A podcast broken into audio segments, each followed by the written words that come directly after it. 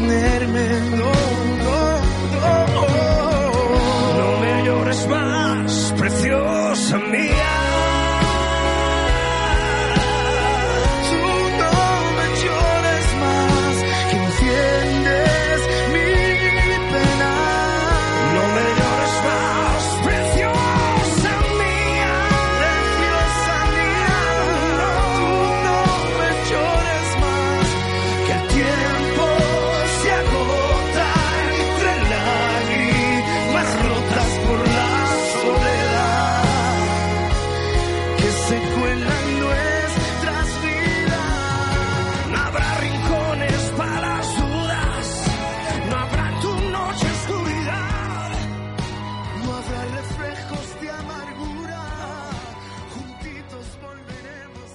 Això és Ràdio Gavà.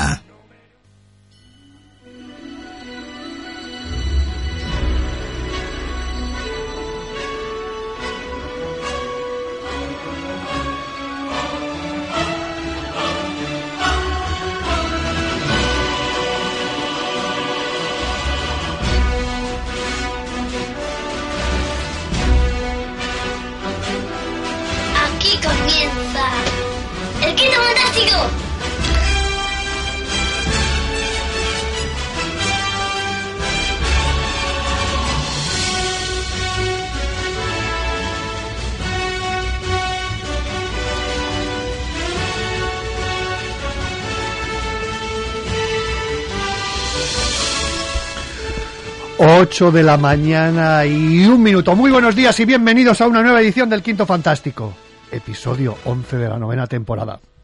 Desde este momento y hasta las 10 de la mañana, toda la información del mundo del cómic y de lo que lo envuelve.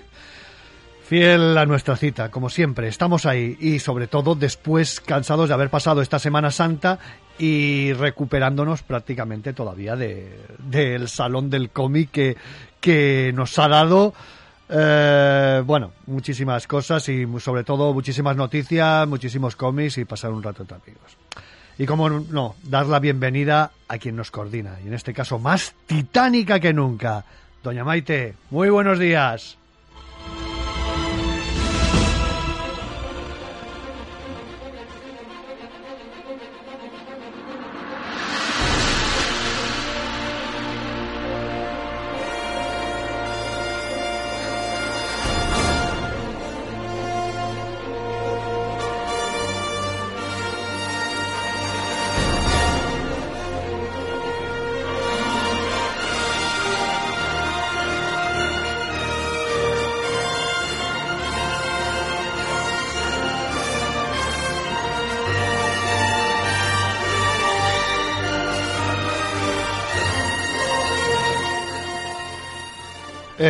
Como siempre, tenemos tanto material después de, después de haber pasado estos dos, estos tres días en el mundo del cómic y sobre todo aquí en nuestra ciudad, pues eh, tenemos mucho material. Eh, vamos a dividirlo en dos partes. Eh, hoy lo haremos la primera y el martes que viene haremos la segunda con una entrevista muy jugosa con Mennat, guionista de, de, de series de televisión y lo tendremos lo tendremos en directo si todo va bien esta semana si no le surge ningún compromiso de trabajo ni, ni nada de esto Eh, deciros deciros que bueno hoy tendremos a, a Underbrain tenemos al señor Bowman ahí nos explicará cositas de, de, de todas esta de todas mm, de todo este fanzine que es que es nuestra cantera, que es nuestra cuna. Eh, después nos iremos con Shanelai, una chica que conocimos que hace unos dibujos impresionantes en negativo, eh, ilustradora. También estuvimos y hicimos una, una pequeña deuda que teníamos después de un montón de años. Por fin conocimos a Raquel Gu, Raquel García, nos habló de sus inicios y de, de esta cosa tan preciosa que precisamente tengo, tengo delante mío que es La Edad Estupenda, ¿no? Eh, muy recomendable. Bueno, no, no, os digo más. También estuvimos con Javier Marquina y Rosa Codina. Mm, Nos contaron este pelotazo, cómo salvar la industria del cómic. Bueno, también nos hablaron de lo humano y lo divino, cómo no. Y también para finalizar, eh, contaremos con una serie que lo está petando, que es Ataque a los Titanes, y estaban allí sus actores de doblaje, y nos contaron algunas anécdotas y nos prometieron estar aquí, estar aquí algún día. Así que, sin más dilación, pues nos vamos con el señor Bowman. Bueno, pues estamos el sábado a la tarde y es visita obligada en la zona de Fanzín y hace mucho, mucho tiempo que tenía ya ganas de hablar con, con el señor Bowman, que tiene cositas aquí muy interesantes. No pudimos acudir a lo Comics Fest, pero bueno, aquí lo tenemos, señor Bowman.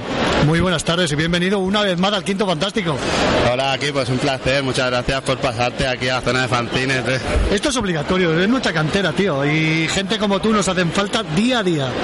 Bien, bien, a ver, a ver si la gente se va enterando y es verdad, pero bueno, sí, a ver, este año ha habido incluso más puestos que nunca, o sea que se nota que en realidad hay interés.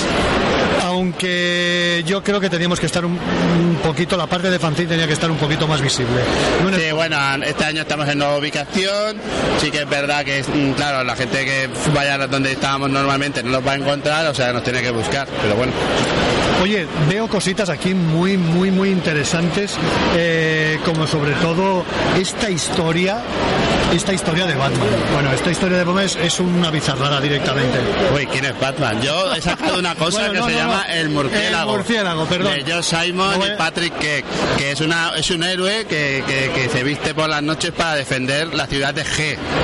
Imagina qué ciudad debe Vale, ser esa. vale, por- Y nada, simplemente al final es una versión underground, super bestia, pero también súper filosófica y súper analítica y crítica sobre el personaje que conocemos de DC, de que al final es un ricachón que se está dedicando a hacer violencia en las calles y encima está como obsesionado compulsivo con la muerte de sus padres y que tiene que controlar que, que todo sea, eh, digamos, poco violento, ¿no? Y sin embargo es el más bestia de todos. Y bueno, la gracia está que al final han sido cuatro números, porque yo empecé publicándole uno y resulta que los autores han seguido haciendo y entonces yo se lo he ido editando. Y, y incluso hay como el tercer número un poco así en plan pandémico y todo, porque está el Batman enterrado, el murciélago enterrado en su casa, su mansión, que está todo destrozadísimo, pero como nos pasó con la pandemia, todo se nos fue a la cabeza, pues a él hay mucho más. Y nada, pues la novedad de este año ha sido eso, el último número que lo sacamos con caja para que la gente lo pueda guardar todo. Es que es lo que me he dado cuenta, digo, que tiene su cajita, muy bien, muy bien editado, muy fanzine. Bueno, bueno, es de lo, de lo poquito que, he encontrado. Oye, y quién, sobre todo, ¿quién es George Simonson? Bueno, Josh Simmons es, un autor de, y guionista americano que ha publicado con Fantagraphic, que ha publicado un mogollón de obras cortas, de historias de, en plan recopilatorio, y que ahora ha empezado pues, ya a publicar con Francia, con una editorial que le publica en inglés, y ha ido sacando cositas. La verdad es que en España no había sido editado aún en castellano, a pesar de que tiene un fandom reconocido. De momento yo le- me he acercado con la figura del murciélago, que es también de lo primero que conocía de él, y que es más popular, porque al final la gente como que identifica el personaje y muy guay. Eh, pero bueno, que quien busque tiene un mogollón de obra. Al final es como un indie fantinero de Estados Unidos. Es una pasada. Yo lo recomiendo, lo recomiendo que entréis eh, en su biblioteca, en su tienda virtual que tiene en internet para poder para poder hacerlo. Eh, me llama mucho la atención. ten- seguimos aventuras con- de Yoma Fibla de Superpod. Sí, Superport, que es un clásico también de la zona de fanzine de los 2000 y que yo siempre estaba insistiéndole para que acabara la historia, para que publicara un algo y siempre ha sido como difícil, pero bueno, al final ya el año pasado, bueno, ya hace un año y medio, pues hicimos la recopilación de todo el material que había publicado, con una página nueva, con textos de introducción, de, de- de epílogos y tal, y nada, al final es un como una- también pues surge ahí un poco como una especie de parodia de Superman, pero en verdad eh, de Superman tiene poco, porque sus poderes son múltiples, se puede asemejar más a otros personajes del mundo del superhéroe americano. Y la, la gracia es que es un cómic con sentido como medio infantil, pero que en verdad es para adultos, porque no se corta ahora en enseñar tripas, y, y se convierte también como un cómic ecológico pro animal, porque es un cerdo que empieza a vengar la muerte del y a salvar a los animales de los mataderos. O sea, Oye, eh, también tenemos a David Martínez ahí eh, con sus cositas también. Holocausto viral. Sí, Holocausto Viral fue lo último así que, que ha publicado, que eran chistes de una página de humor, que el holocausto viral pues viene un poco por lo de la pandemia, pero bueno, en realidad se evita decir COVID en todo el cómic porque al final es como si fuese una pandemia y los problemas derivados que hubo ahí. En clave de humor y como fue lo primero que salió de- del COVID en papel, porque ahora sí es súper clásico, hay un mogollón de gente que ha hecho sus historias, porque claro, toda la gente tuvo mucho tiempo, no sé por qué, Pero, pero en el caso de Holocausto fue el primer cómic sobre COVID publicado en papel, avanzándose a cosas que luego sucedieron en la vida real. ¿Y de chico suicida? Bueno, chicos, Suicida fue lo primero que le, le publicó en Underbrain, se publicaba como Boy Comic y la editorial en el 2012 nació precisamente publicando Chicos Suicida y luego Corriente Sanguínea de Patricia Muñiz con ilustraciones mías y fueron los dos títulos con los que lanzamos el proyecto editorial porque eran cosas que se publicaban en la web de underbrain.com y fue como vamos a recopilarlo y pues el webcomic que publicábamos cada semana pues lo juntamos. Aquí ya simplemente es el librito que ya quedan pocos ejemplares porque tiene un tiempo ya desde entonces. Sí, es verdad que este día lo habíamos hablado. pero- Sí, sí. Y nada, pero bueno, a mí en el salón sigo sacando cosas. Ahora he sacado un autor brasileño. El año pasado, por ejemplo, recuperamos a Fran Fernández, que es el autor de Desastre, que fue la primera novela gráfica que publicamos con la editorial. Y así, nos mola también contar con gente de aquí, que no solo publicamos eh, autores de fuera. Sí, que- Super Pobres de Jaume Fibla y de Raimón, que son autores de Badalona. Sí, ahora veo que me llama mucho la atención eso, que no te había visto con tantos autores internacionales, ¿no? De, de decir, de obras internacionales, en su caso, ¿no? Sí, te sí. habías tirado un poquito por, por, eh, por el tema nacional. Bueno, a ver, es que el tema nacional, o sea, el tema es más complicado porque sí que ha surgido proyectos, pero claro, es, lo tienen que acabar, a veces les va bien, a veces les va mal, sabemos que el mundo del cómic no da para vivir, entonces, y yo encima hacemos ediciones de fanzine pequeñitas, donde yo las muevo online y en pues se complica aún más el trabajo. Entonces aprovecho, como a mí me gusta pillar fanzines de fuera, descubrir historias cortas de 12, 20, 40 páginas y en algunos casos pues les propongo editarlo. ¿Qué pasa? Que ya son cómics hechos, entonces son más fáciles de producir, porque solo hay que traducir, rotular e imprimir. Y a los autores americanos al final como extranjeros, porque tenemos de Italia, de Corea, de Japón, de Noruega, de Suecia, de todos lados, de Italia de, y de Brasil. Eh, el tema es ese, que al final es como un extra la edición en otro idioma. Porque no tienen que aportar más que la firma del contrato ya. Oye, hablando de- del tema fanzine, mm, no sé, bueno, igual tú estás más metido que, que nadie en este tema. He notado que parece que las editoriales están mm, apostando un poquito por el tema fanzine. Bueno, el caso, fíjate, de eh, ECC, que eso es- sería, bueno, yo es que cuando lo vi, yo creía que se trataba de una broma. ECC que eh, estaba, iba a editar el fanzine eh, Cómo salvar la industria del cómic, sin Bueno, tener ni cuenta idea, el Ash de Sara Soler, la la editada Stiberry, que venía de un fanzine. Parece que están dando un poquito el salto las editoriales. No sé, tú estás más cerca. A ver, eh, son autores que ya tienen medios pies en la industria. Sara Soler ya había publicado para Estados Unidos o ya había publicado en otros aut- edi- editoriales. Son autores que han publicado editoriales que han decidido luego autoeditarse.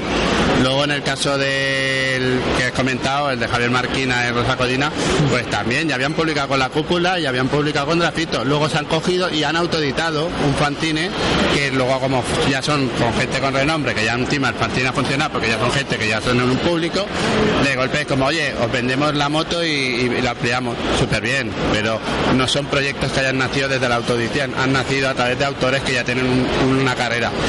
No hay ningún problema, pero es, es lo que es.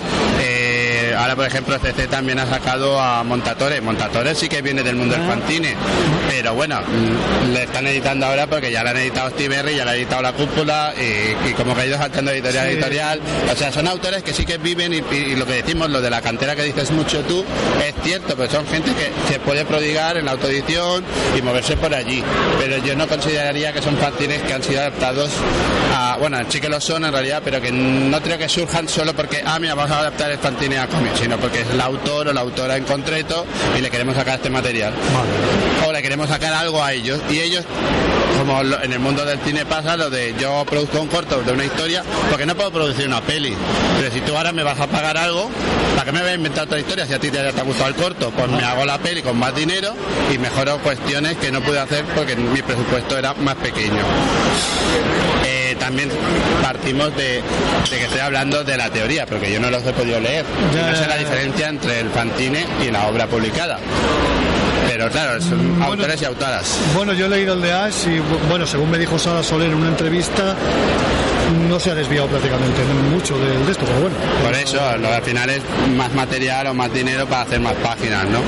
A ver, en el caso del pantine de Marquina y Codina, hablan de, de el título lo han modificado y ahora lo que quieren saber es la industria del cómic, ¿no? A ver si qué pasa. A ver, a ver si tienen la fórmula.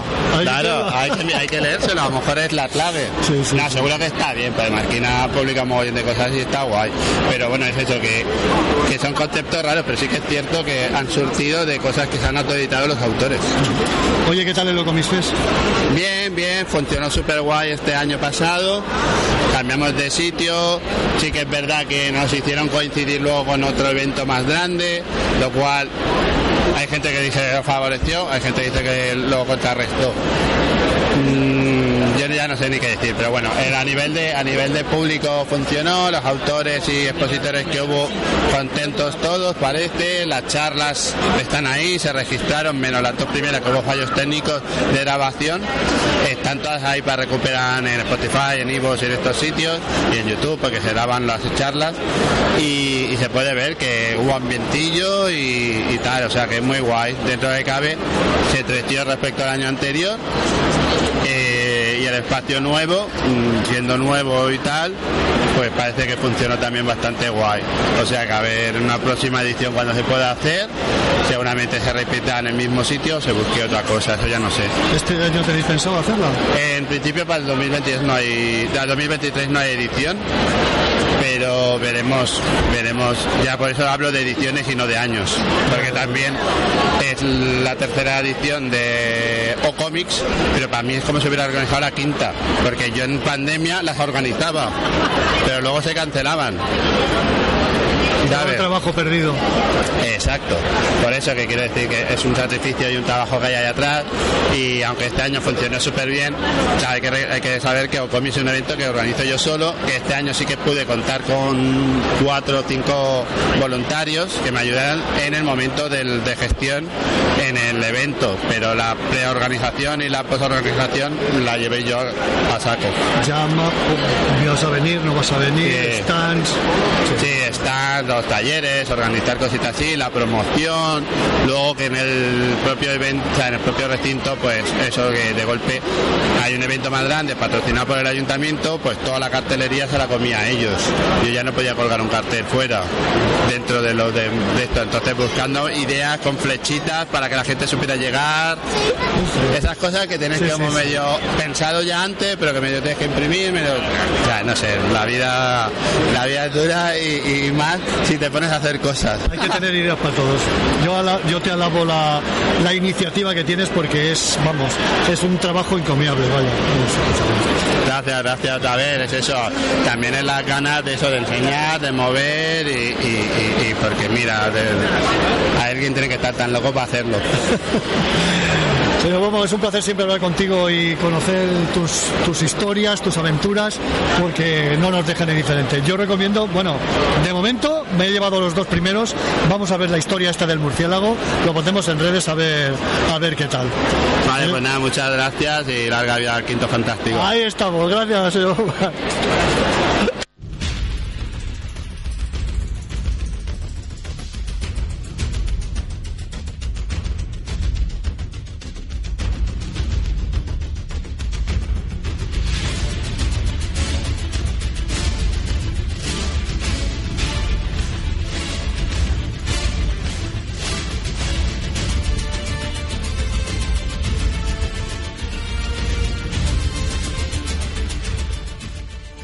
Impresionante siempre nuestra cantera de cómics y fanzine.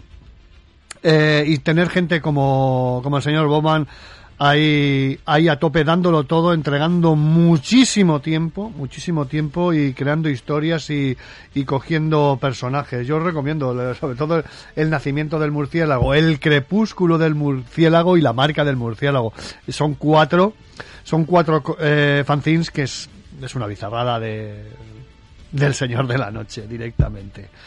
Eh, bueno, y nos vamos ahora nos vamos con uno de los grandes. Eh, tuvimos la oportunidad eh, de estar un ratito en sala de prensa, ni más ni menos que con Alfonso Font, gracias a los amigos de Carten Comics.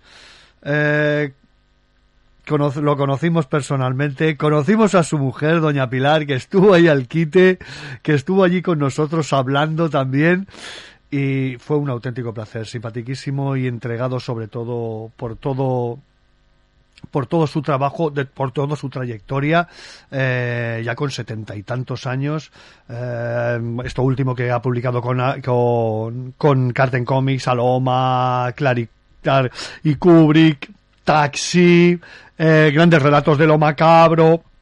Bueno, todo un auténtico placer conocerlo y tenerlo, y tenerlo en las ondas del Quinto Fantástico. Sin más, Alfonso Font. Ahora que te lo pague.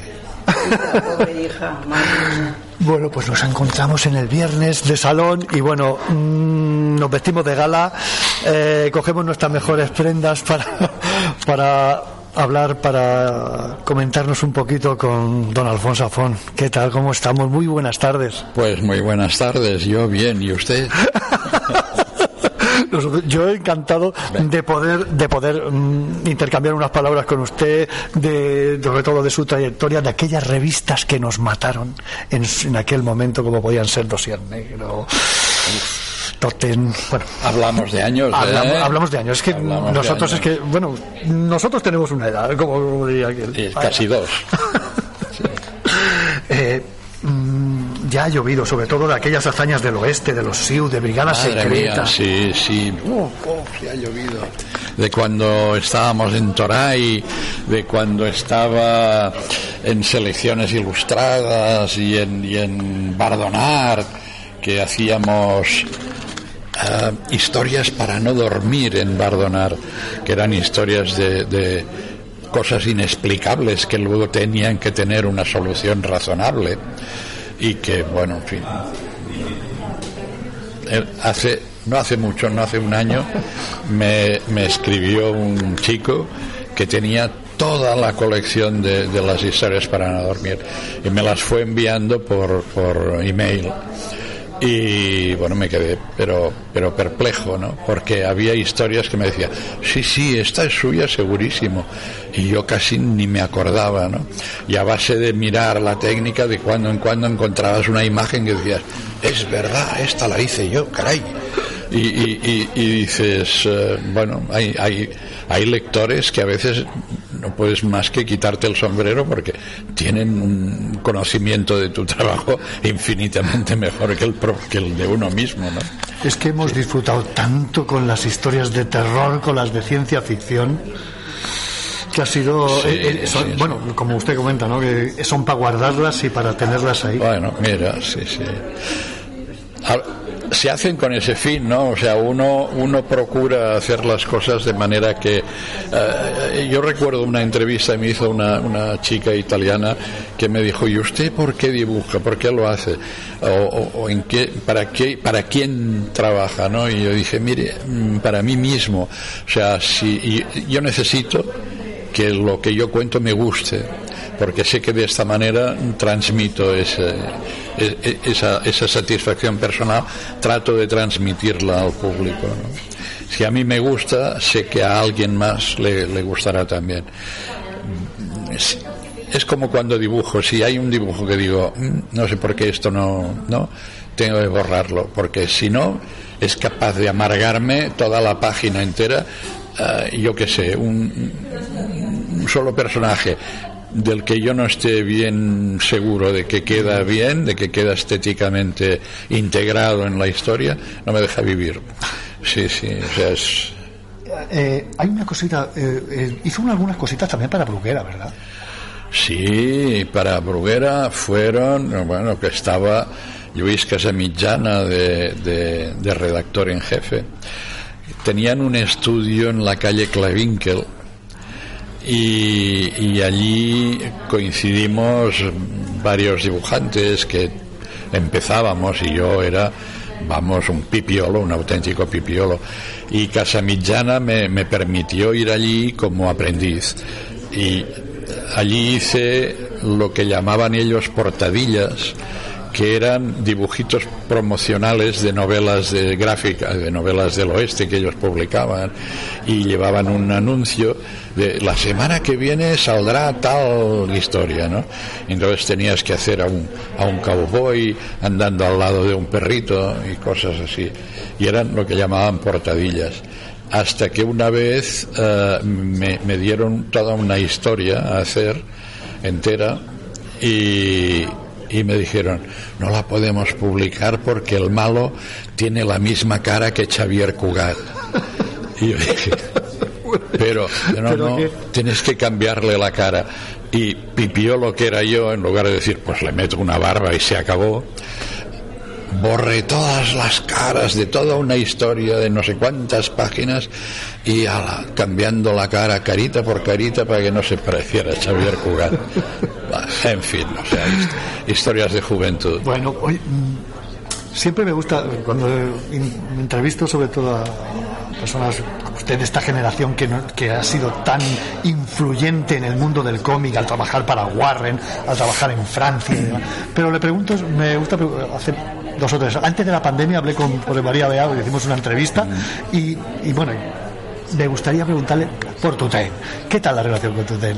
Sé que siempre ha- hay una disparidad, ¿no? Sí, a ver, mm, Tutén era dibujante, era también, bueno, agente, y, y Tutén lo que era, era... A ver, ¿cómo decirlo? Porque claro, hablar mal de un muerto no está No, bien, no, no, es no, correcto. no, no, no, no, no. Por lo tanto, no voy a decir nada malo de Tutén, pero sí diré que era ambivalente. Por un lado era un tipo entusiasmo que te animaba, que te, bueno, que, ah, vamos a tomar una cerveza, etcétera y tal, y, eh, y por otro lado luego mm, te castigaba por, por, por yo qué sé, porque le había dado celos el que tú tuvieras relaciones también con Bardonar o con algo así, ¿no? Eh, era, era un personaje ambivalente, era, era, No, yo más, yo más la, pre- eh, a ver, es, eh, es habl- hablar, no es que me tenga que decir que si era malo, tal, era más por el, la figura suya en el mundo del cómic, la innovación Hombre, que hubo, y, eh, muy importante, en este sentido- el boom de las, de las Sí, sí. revistas ilustradas. En este sentido, muy importante. O sea, en este sentido hay que reconocerle a, a Josep Tutén que hizo mm, mucho bien para lo que era la historieta en España, ¿no? Porque, en fin, sacó revistas como Crepi, eh, 1984, etcétera, etcétera, y se preocupó de publicar historias que tuvieran un mínimo de calidad, tanto en guiones como en dibujo, etcétera. Mientras que muchos otros editores aquí en España, eh, bueno, como ahora el cómic se vende muy bien, publicamos cualquier cosa. Compra material y se compraba material de, yo qué sé, de, de Indochina porque era más barato que no sé qué y se traducía mal o, o se hacían recortes. Eh, la casa, la casa de ediciones Fer había hecho unas revistas de, pequeñitas así del oeste que como las habían comprado y eran páginas de cinco viñetas o así y ellos querían hacerlas de dos, pues recorto por aquí, pego por allá y al niño de los recados le digo, niño, dibújate una calle aquí detrás que hace falta rellenar este hueco blanco. Y claro, la calle que dibujaba el niño de los recados tiraba al suelo, bueno, incluso, incluso a un ciego le dolían los ojos de mirar aquello, ¿no? O sea, es- era...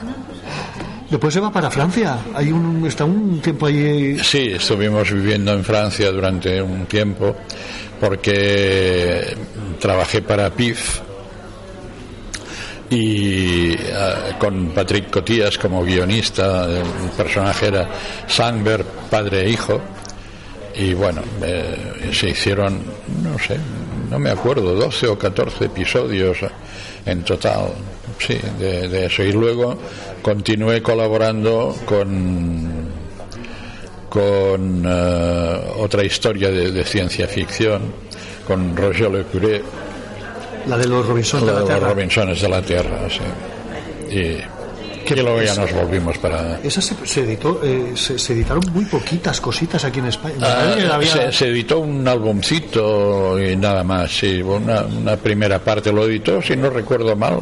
Mm, eh, ahora, me ahora iba a decir Rafael Martínez, pero no estoy seguro. No estoy seguro si lo editó Norma o no.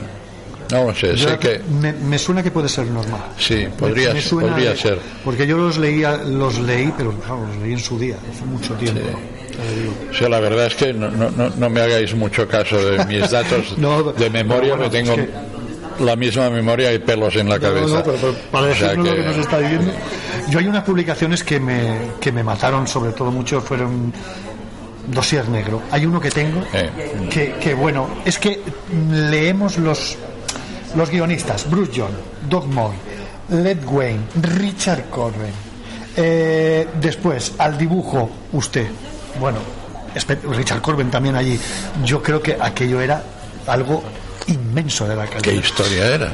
Bueno, no, er- er- Ah, eran varias ah, ah, historias. sí, vale, Eran vale, vale. varias historias. Sí, sí, Eran el varias dosier historias. negro, sí, sí. Vale, vale, Eran vale. historias de terror y bueno, aquellos nos mataban. Que por cierto, muy mal publicadas aquí en España, porque no.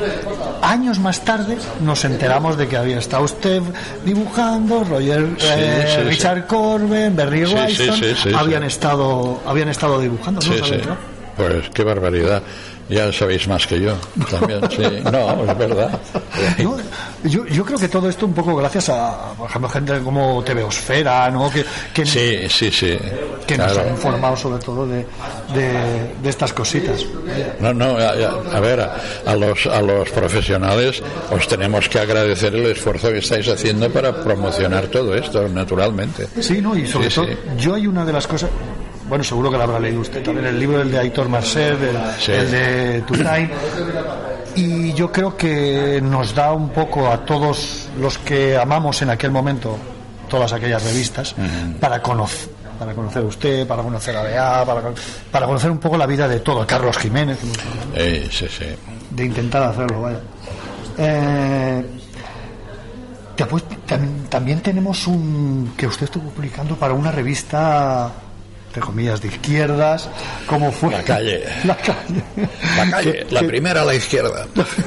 Sí, era el el eslogan publicitario. La primera a la izquierda. ¿Qué tal, qué tal aquella experiencia? Pues, a ver, am, a la redacción en Barcelona se les pasó por la cabeza, porque como conocían a Víctor Mora, y Víctor Mora era muy de izquierdas y del partido y cosas así, les debió convencer o medio engañar para que publicaran, como hacían los norteamericanos en las revistas, pues una página de, historieta de un personaje de izquierdas que era Tequila Van y, y tal. Y, y dijeron, pues vale, lo publicamos eh, y tal, y cada semana publicaban una, una, una o dos páginas. eh. Pero esto no cayó bien en las altas esferas de la redacción. Porque, Me lo imagino. Pero claro, ¿qué es esto? Gastar el dinero en tebeos, coño. tal, tal. Aquello que dices, hombre, pero si está escrita por un tío de izquierdas y, y la historia es de izquierdas.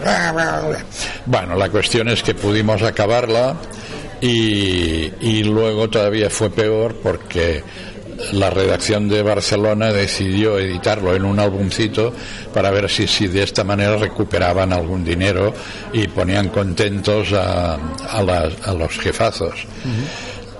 Y, y como no sabían cómo publicarlo, y, porque una cosa es editar una revista, le pones grapas y ya está. Pero como editar un álbum no sabían bien bien cómo y hicieron unas cartulinas de tapa blanda y encolaron todas las páginas sueltas en el lomito. Pero claro, a la que hacías así, las páginas salían volando porque no estaban ni encuadernadas ni nada. Con lo cual, aquella edición, supongo, no llegó ni al, ni al mercado, prácticamente ni al mercado, porque a la que debían desempaquetar un paquete, debían ir todas las páginas sueltas por el suelo y aquello era un desastre, ¿no? O sea, con lo cual todavía perdieron más dinero. De ahí que el Partido Comunista se fue, se hundió. Se hundió. Se hundió, sí, sí, porque por culpa nuestra, mía, mía principalmente, que soy el artífice del hundimiento del Partido, Del Partido Comunista, Comunista. con Tequila Bank, que, que conseguimos que fueran a la quiebra y Víctor Mora, el, el maldito, se lo cayó esto, pero y ahora que ya no está el pobre. Parlaves del Partit Comunista francès. No, no, del Partido Comunista Francés, del Humanité y todos estos. sí. Bueno, el Partido Comunista Francés con, con, con Pif Lechien, que estábamos trabajando en- en- con Pif. Recuerdo que estuvimos en una comida hablando con el redactor en jefe de, de la, de, la, de, de la revista de Pif. ¿No era con el redactor en jefe? Era que tenías que hacer los papeles en Francia. Sí, sí, se tenían que hacer los papeles. Eh, sí, porque queríamos volver a Barcelona en un vuelo y para obtener eh, un billete más económico tenías que necesitabas los papeles de la empresa conforme tú trabajabas en esa, en esa empresa. Entonces se negaban a hacerlo porque, oh, es que si después tú te vales de estos papeles para exigirnos un salario fijo y no sé qué. Yo decía, pero demonios, lo que yo quiero es ir un momento a Barcelona, ver a mis padres por Navidad y volvemos y ya está. Pues no hubo manera. Y estábamos en una comida hablando y, y, y le dije, pero, pero las ediciones de Bailán no son comunistas. Y el redactor me mira y dice, no, son como otra. Como otra. Como otras, ¿no? Como otra. Vale, vale, no, vale. com- pa comunista, como otra. Como otra. O sea, y dices, vale, la definición, la definición del Partido Comunista francés, como uno, como otro, Como otro, más. O sea, en fin. Yo una de las una de las cosas que me ha llamado muchísimo la atención antes de entrar en la loma un poco eh, es esta historia que hizo el complot de Dallas en aquella época. porque Hostia, sí, lo hizo en los 70. Sí, sí, sí. Pero mm, claro, ahí no había la información que tenemos hoy en día. Que en un clic tenemos información, lugares y tal. ¿Cómo se atrevieron a hacer esta historia? Bueno, me llamaron de pilot porque el guionista, que era el demonios, eh, el de, de Giró, el de, de Jean-Michel-. Exacto. Tenía hecho todo un artículo basándose en algunas fotos y algo así de, de, de la historia de la- del atentado de Dallas y tal. Y me dijeron, vas a hacer tú los dibujos y tal para explicar la historia. Y dije, bueno, pues claro, cómo no, trabajando con Charlie, pues eh, imagínate. Y me dio las- la- los dibujos, ay, los, los esquemas de lo que tenía que dibujar, me leí toda la historia, entonces vi que había unas fotografías que él había colocado, a mi, mi entender, eh, equivocadas, porque le dije, mira, por la manera en que está enfocado el coche, esta tiene que ir delante y tal. Ah, Tú déjate de historias, tira que te vas, tú dibuja lo que yo te he dicho. Y pensé, ah, vale, si consiste en esto, el hacer la historia del, del tiroteo de Dallas, pues lo hacemos y tal. Pero fue una cosa puntual y lo hicimos y, ya está. Y luego sé, porque me escribió un, un, un aficionado francés que me dijo, ¿sabe usted las páginas que hizo para, para el tal? Se están vendiendo por una fortuna. Y digo, pues mira qué bien, será por el guion de, de, de- de Charlie y no por el mío. O sea que, en fin, las cosas que hay en la vida. Sí, bueno, es que eh, ahí es otro tema ya, del de los originales es otra historia. Porque, Sí, vamos, lo que sí. Ustedes, me- ustedes perdieron en el camino de originales. Madre mía, madre mía. Eh, bueno, increíble. Cuando aquí no se devolvían los originales, que hubo que pelear como, como eh, el Capitán Trueno contra los malos y contra los pictos, Sí, sí, sí. pues igual, para conseguir que nos devolvieran los puñeteros originales.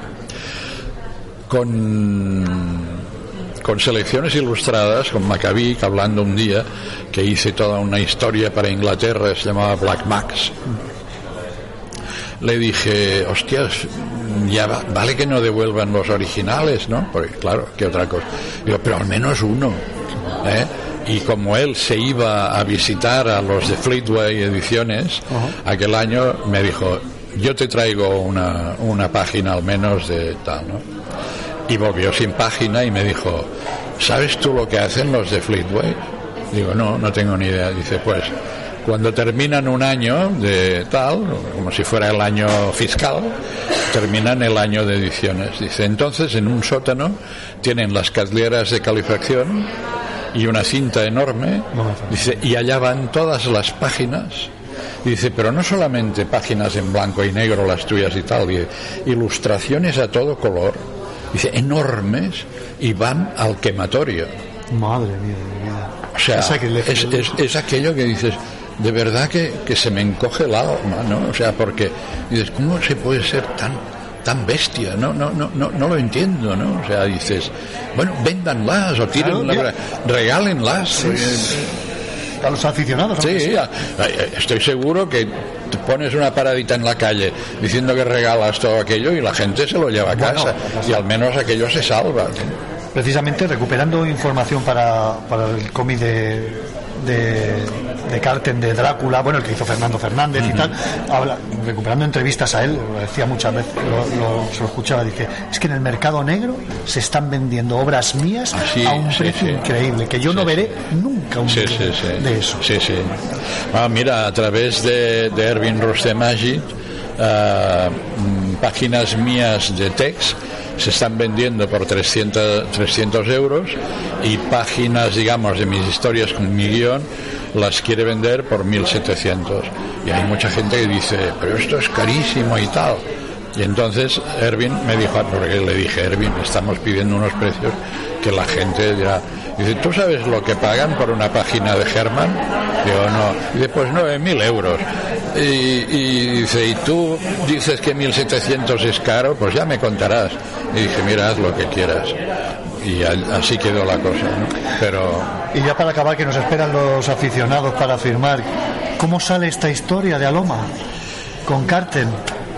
Eh, espero que bien. Yo me he leído ya, me, me he leído a mí mismo todo, todo el primer álbum, ¿no? Para que, y sobre todo porque, claro, como viene rotulado de allí, me da un pánico feroz que no se hubieran equivocado. Porque no lo, si se equivocan, no lo hacen voluntariamente. Lo hacen porque simplemente se equivocan al, al- al teclear la- el rotulado. Pero no, no hay errores, no hay errores. Está- ¿Cuántos álbumes saldrán? Tres, tres, sí. Tres. De momento tres que son los únicos que hay hechos. Y el tercero todavía tiene que ponerse el color, o sea que, y el color va lento, va lento ¿Se ha encontrado a gusto en esta historia? Sí, sí, sí, Estoy sí. deseando eh, leerla. Sí, no, está, el primero ya digo, es el más simple, el más sencillo, también incluso el peor dibujado, porque el peor dibujado, el primer libro, el primer álbum, que sí, porque por timidez, por inseguridad, por todas las A estas alturas. a estas alturas, estas alturas. a estas alturas, a estas alturas. Tuve que empezar una historia nueva que se salía de, de lo que estaba haciendo del text y dije, ay Dios mío, a ver si se me habrá olvidado. Y casi, casi que se me había olvidado. O sea, no, no, con una inseguridad de, de- de novato, de novato. Pero bueno, la, historia fue pasando y al final, cuando empecé la segunda, entonces ya venía yo firme y ya me dije, esta tiene que salir bien por narices. Y salió bien. Esta. Mal está que lo diga yo porque Bueno, parece, no, no, no, pero parece por ser favor. una, una, una inmodestia, pero, pero es verdad, la, la segunda historia a mí me encantó. A Pili le gusta la tercera, que es la de las trillizas, las trillizas asesinas, esa, esa, esa. las trillizas asesinas que son, que son la pera, tres, tres trillizas inglesas además. Bueno, Esta, me divertí un montón creando esos tres personajes, pues, pero pues, mucho me divertí. yo me lo imagino, yo estoy deseando cogerlo para, para, para poder disfrutar y, sí. y poder hablar de él, bueno, en una próxima ocasión. ¿Qué saldrá? ¿El siguiente saldrá en el, Eh, eh, en el, no, año que eh, viene o...? en el este este a primeros de año que viene sale el segundo Vale. es la cabeza del Papa que la cabeza del Papa, sí, del Papa de Roma, Sí, pero, sí, pero no del Papa actual, no. Es una, una cabeza parlante, un- como un augur que se suponía y bueno, es, es una historia muy compleja de, de- de casualidades y de, y de descubrimientos. De uno pasa a otro y, y vas, vas sabiendo de toda la historia esta hasta que hay un final más o menos apoteósico con, con todas estas cosas. Pues y, yo- y me lo pasé muy bien dibujándolo. El color es perfecto, está muy bien dado. Y luego me lo pasé pipa y con mucho humor y muchas ganas de reírme a veces Así. con el de las trillizas. Bueno, ya como ha dicho Felipe. Sí, Pues yo espero que el tercero, si se puede dar, si el tercero llega para el próximo salón del cómic, puedo, puedo- a ver si Bueno, podemos para ver. el ¿no? próximo sería el segundo, ¿no? Me ¿Sí? imagino. Para el- ¿Qué tenéis pensado? ¿Para el, ter- el segundo en el, próximo, el año que viene? En el, En el 2024 y Pero el tercero en el, en el salón del cómic del año que viene. No. Ah, pues, mira. Pues nos Qué emplazamos. Bueno, pues entonces sí. Nos emplazamos directamente. Vale, pues muy bien. Para hablar Sí. de- para hablar de estas No me cosas. dará tiempo de leerlos. Eh, don Alfonso, un placer. Sé que tiene que ir ahora a firmar. Estaría ahora. Nos queda uno- un placer hablar con usted. Porque, porque tendré que firmar los, los que ya están pedidos. Pues y pues luego vendrán los que quieren firmitas nuevas. Y, gracias, gracias a de, de, de, de más, más eficaces, ¿eh? Cago en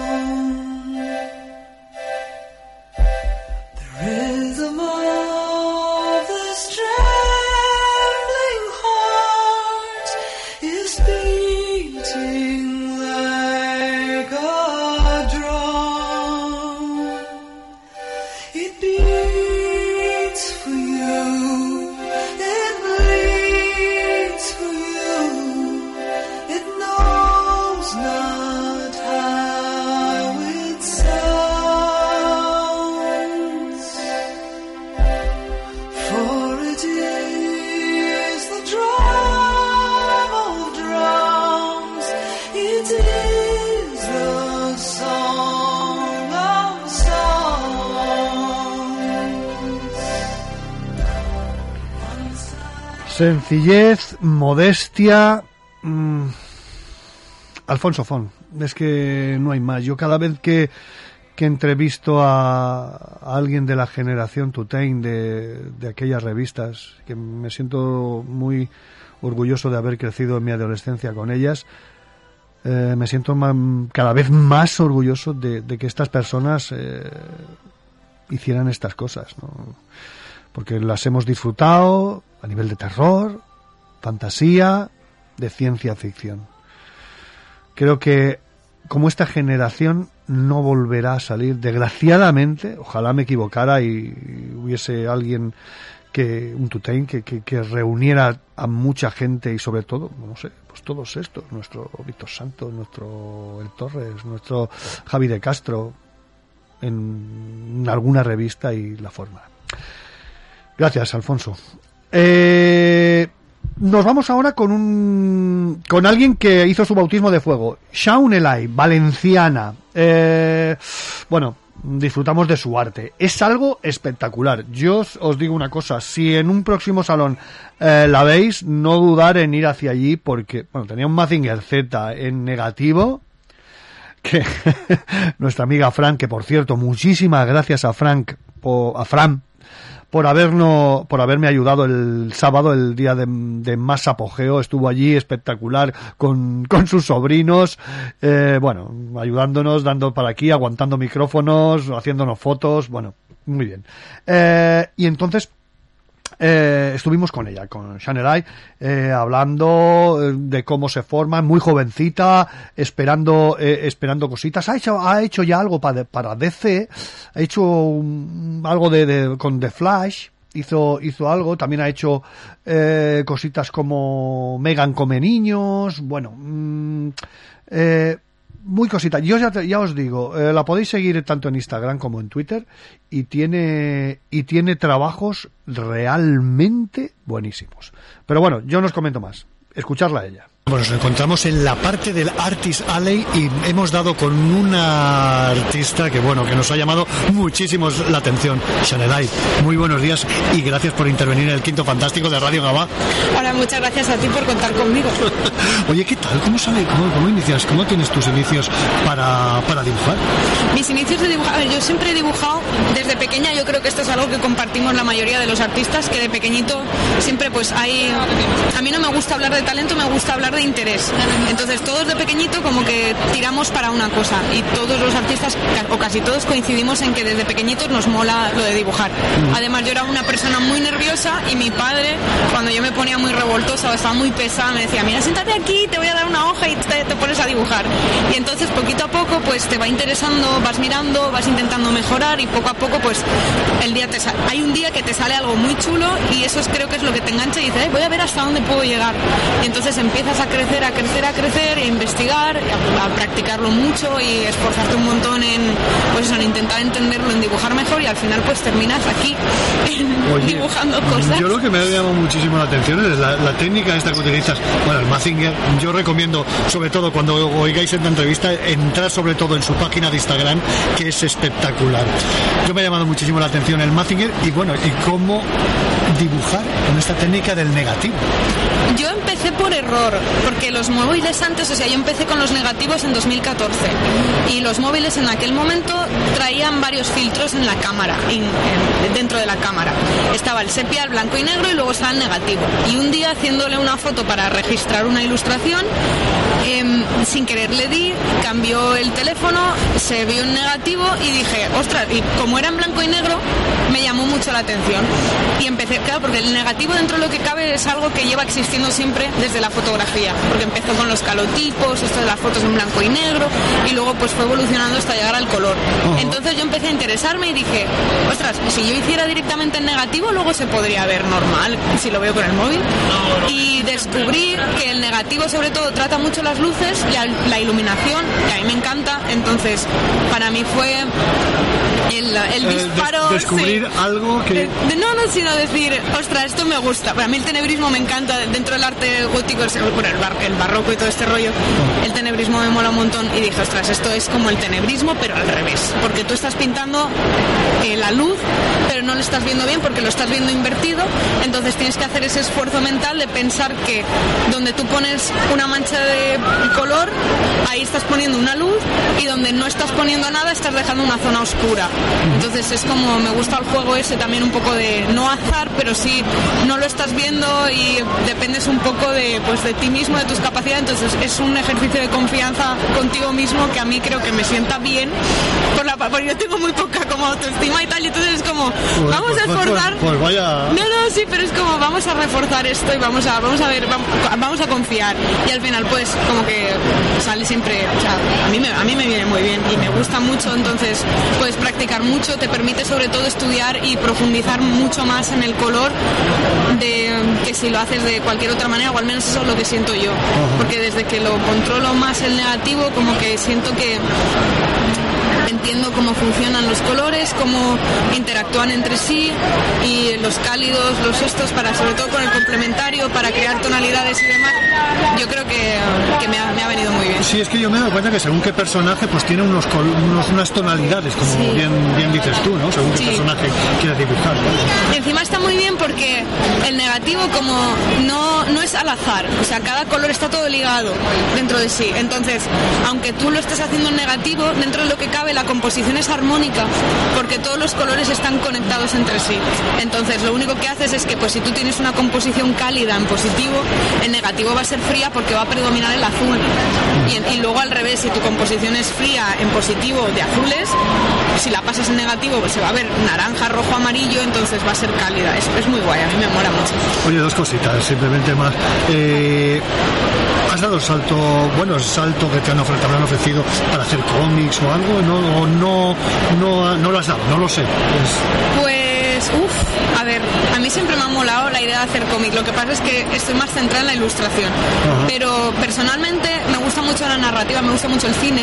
Entonces, mm, bajo mano yo personalmente eh, sí que estoy haciendo un cómic para romper manos, sobre todo lo estoy haciendo en digital, porque así controlo todo. Yo de normal trabajo con técnica tradicional, con acuarelas, con lápices, con watch y demás, y el cómic lo estoy haciendo directamente en, tra- en tradicional, no, en digital, para romper mano en digital, acostumbrarte también al digital y explorar la técnica digital. Entonces lo estoy haciendo muy en petit comité para mis seguidores de Patreon, que es ahí donde lo estoy publicando poquito a poco. Con guion tuyo. Sí, todo. Es muy difícil. Bueno, bueno, es pero- muy difícil guionizar y todo. Eso No, es no. muy complicado. Pues me imagino. Pero por bueno, por algún lado se empieza. Oye, ¿qué nos vamos a encontrar en el libro ya para terminar?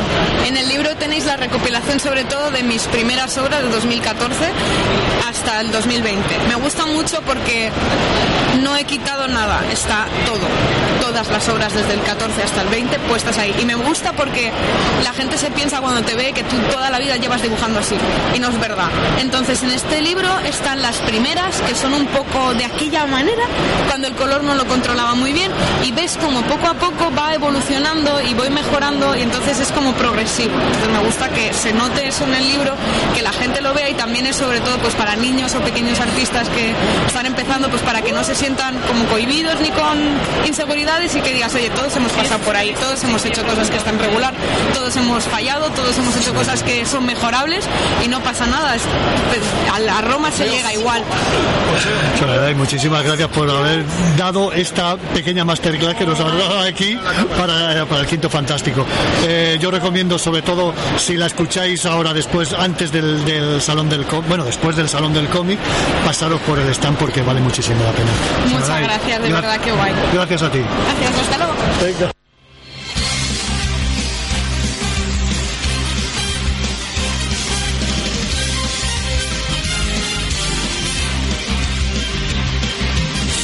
空にそびえる黒金の城スーパーロボットアジンガー Z 無敵の力は僕らのために正義 の心をパイルタワーはオン飛ばせ鉄拳ロケットパンチ今だ出すんだブレストファイヤー Permitidme que, que haya puesto la del Mazinger Z, sobre todo Mazinger Z Infinity, eh, porque tenía un Mazinger Z, que por cierto lo tiene Franz, es espectacular, vamos, es una auténtica salvajada. Yo espero ir a ot- otro salón y cogerme, cogerme como tenga otra, pos- otro, otro dibujo de Mazinger, es que, es que me lo voy a coger. Mm, Vamos a estar atentos a los trabajos de Chanelai eh, y a ver si le podemos hacer algo más en profundidad eh, un día aquí en la radio y, y que nos entre en directo y que nos cuente más historias porque es, es un trabajo emergente que, que no te dejará indiferente. Y bueno, eh, pagamos una deuda. bueno, lo explico. Ayer en los inicios de, de- del Quinto Fantástico eh, intentamos una vez en- entrevistar a, a Raquel Gur, Raquel García. La cosa no salió bien, nos quedamos en puertas. Bueno, y lo que son la- las cosas, pues al cabo de los años nos hemos vuelto a encontrar. Hem- Hemos eh, conseguido, sobre todo, porque había una había una gran eh, una, una gran exposición de las magas del humor fantástica la, que estaba ella como no estaba Raquel y bueno mm, nos lo pasamos pipa en el sentido de, de viendo todas las grandes grandes humoristas gráficas que tenemos en nuestro en nuestro panorama en nuestro panorama comiquero. Deciros simplemente que, que, bueno, Raquel Gull es filóloga, traductora, bueno, seguro que la habréis visto muchas veces en los matins de, de Cataluña, de en los matins de TV3, perdón, en los matins de TV3, haciéndole, haciendo allí viñetas, bueno, mm, y sobre todo en el, en el tema divulgativo, ¿no? En eh, libros de- divulgativos. Y yo recomiendo, eh, ya haremos una pequeña, un pequeño análisis en, eh, en, las, en las redes. Os recomiendo La Edad Estupenda. Me lo he pasado pipa leyéndolo porque te ves, me- ves identificado con muchas expresiones y muchas cositas. Así que, sin más, Raquel Gu. Bueno, pues nos encontramos ya en el primer día de salón, viernes por la tarde. Y bueno, nuestra primera encontrada y bien hallada ha sido con Raquel Gu, Raquel García. Muy buenas tardes. Muy buenas, ¿qué tal? Bienvenida una vez más al quinto fantástico de Radio Gabá. Yo encantada. ¿Qué tal? ¿Cómo estás? Muy bien, muy bien, con muchas ganas de salón, de ver exposiciones, de, de ver novedades de todo. Oye, desde pequeña has devorado cómics, libros, creo que ha sido tu fuente ahí de, Sí. de inspiración en todo ello, ¿no? Sí, eh, de pequeña porque precisamente tanto mi padre como a, como a mi madre les, les, les gustaban los cómics, les gustaban los tebeos. Claro, en casa había un arsenal pues muy interesante, ¿no? Entonces yo aprendí a leer con, con tebeos de Bruguera, con cómics de, de Asterix, de Tintín y bueno, sí. Y, y- hasta el día de hoy. Tu padre era aficionado al tema. Mi de- madre, mi madre y, y mi padre también, sí, los dos. ¿Cuántas carreras, cuántas trayectorias se han quedado ahí por el camino, sobre todo en el tema mujeres, de comiqueras que se han quedado ahí truncadas por lo que por la circunstancia de la vida, por la sociedad que teníamos aquel, en aquel entonces, que era muy machista, ¿no? Y se han quedado ahí truncadas. ¿eh? Sí, pero por suerte, por suerte, ahora hay un montón de autoras, se están recuperando un montón de autoras también del pasado, se está reconociendo su trabajo, se está reconociendo su valor. Una prueba de ello es el Gran Premio del Salón, que este año ha sido para Gran Trinity Touré y que, bueno, yo estoy súper feliz de que se haya reconocido su, su trabajo, ¿no?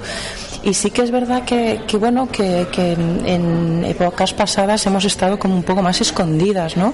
Eh, también me viene ahora a la mente Nuria Pompeya, de la que eh, acabo de comisariar junto con Pepe Galvez una exposición retrospectiva en Alcalá de Henares, en la Casa de la Entrevista, con el Instituto Quevedo del Humor, y reunimos como 100 piezas eh, para la exposición, el 80% de las cuales son originales, y hay viñetas que podían haber sido publicadas ayer de lo vigentes que, que son, ¿eh?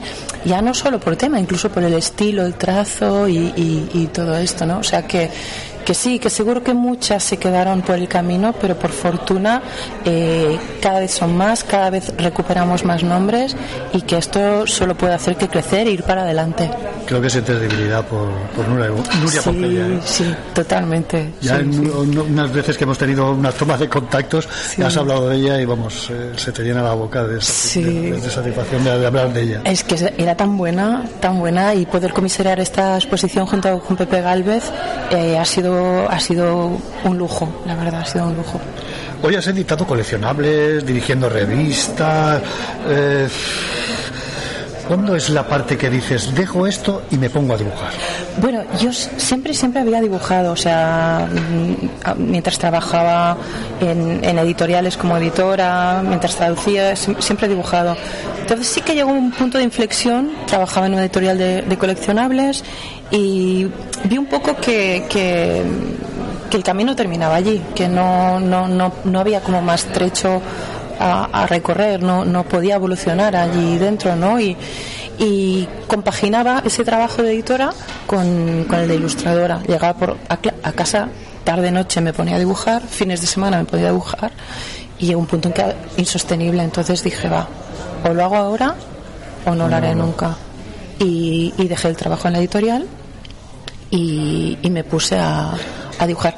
Pude dejarlo porque como había compaginado los dos trabajos durante un tiempo, tenía un poco un colchón de seguridad que me permitió aguantar me, me aguantar dos tres meses hasta que empezara a rodar un poco todo no y luego aparte como mi formación también es em, de letras es fil- filóloga inglesa pues también me dedico a la traducción y entre una cosa y la otra digamos que, que puedo permitirme mm, dibujar cómics Sí, sí, porque, oye, cualquiera que hablas con tanto dibujantes, eh, guionistas, bueno, y es, es muy difícil aguantar en el mundo del cómic. Sí. Qué poco, qué poco premiado está la cultura en nuestro país. ¿eh? Muy poco, muy poco. Hay que ser muy tozudo, ah, muy loca, muy, no sé.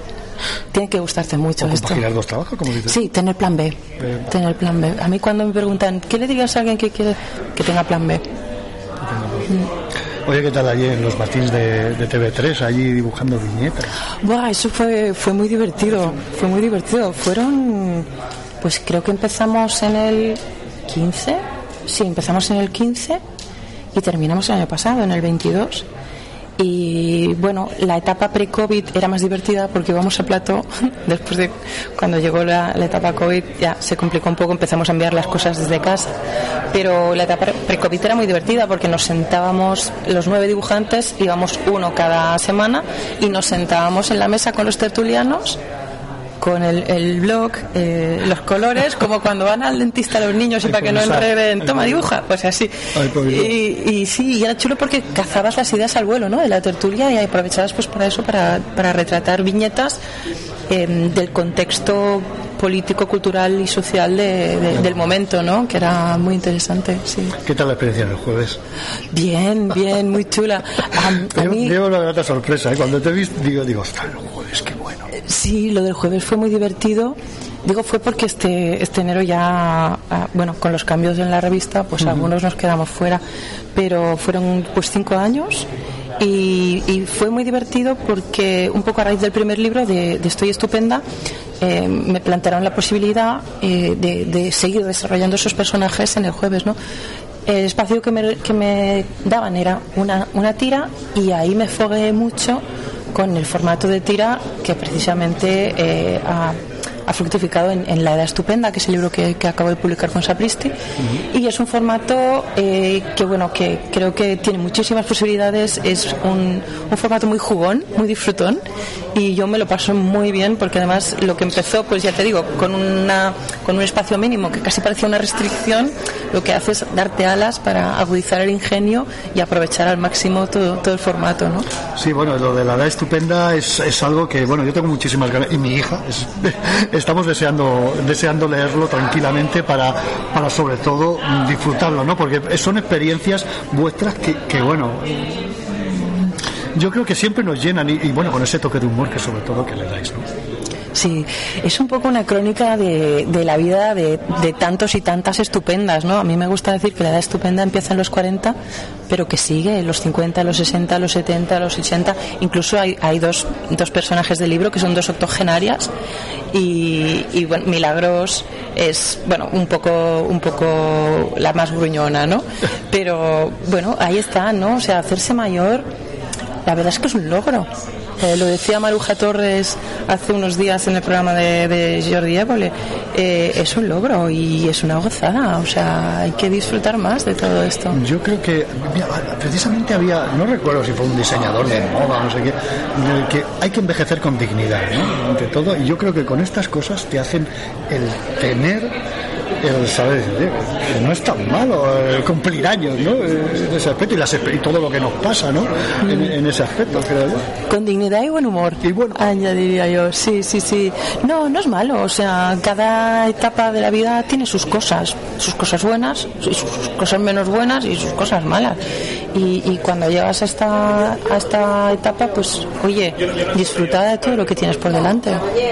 Hoy también has hecho cositas para, para los más pequeñitos, ¿no? Con lo de Mati y sus aventuras, ¿no? Así hiciste, mm, no sé, es una manera muy didáctica, ¿no? De, de aprender jugando, ¿no? Sí, sí, sí, y sobre todo de matemáticas, porque claro, ahí, ahí, mira, una anécdota personal es que yo siempre había sido muy mala con las mates y cuando conocí a Clara Grima, que es la autora de los textos de Mate y sus mateaventuras, eh, cambió mi concepción de las matemáticas totalmente, porque ella es una excelente divulgadora y una persona que te cuenta las mates em, de una manera, no sé, como muy de tocar con los pies en el suelo, ¿no? O sea, ves que las mates están en todas partes que son el lenguaje del universo, que son el lenguaje de la naturaleza incluso, ¿no? O sea, el último libro que he ilustrado relacionado así con la divulgación es de Luis Mascudero y se llama Papá, cómo se enroscan las caracolas. Y es un paseo por la geometría de la naturaleza, las telas de araña, em, los minerales, las alas de las mariposas, las alas de las libélulas, eh, bueno, incluso eh, nuestra propia piel, o sea, eh, Lu- Luis Mascudero, Clara Grima y un grupo de científicos descubrieron una nueva forma geométrica hace unos años, tres, cuatro años, que es el escutoide que es eh, un- o sea, una nueva forma geométrica descubrieron ellos, que es la forma en que se empaquetan las células de, de nuestra piel. O sea, todos llevamos esa forma geométrica puesta.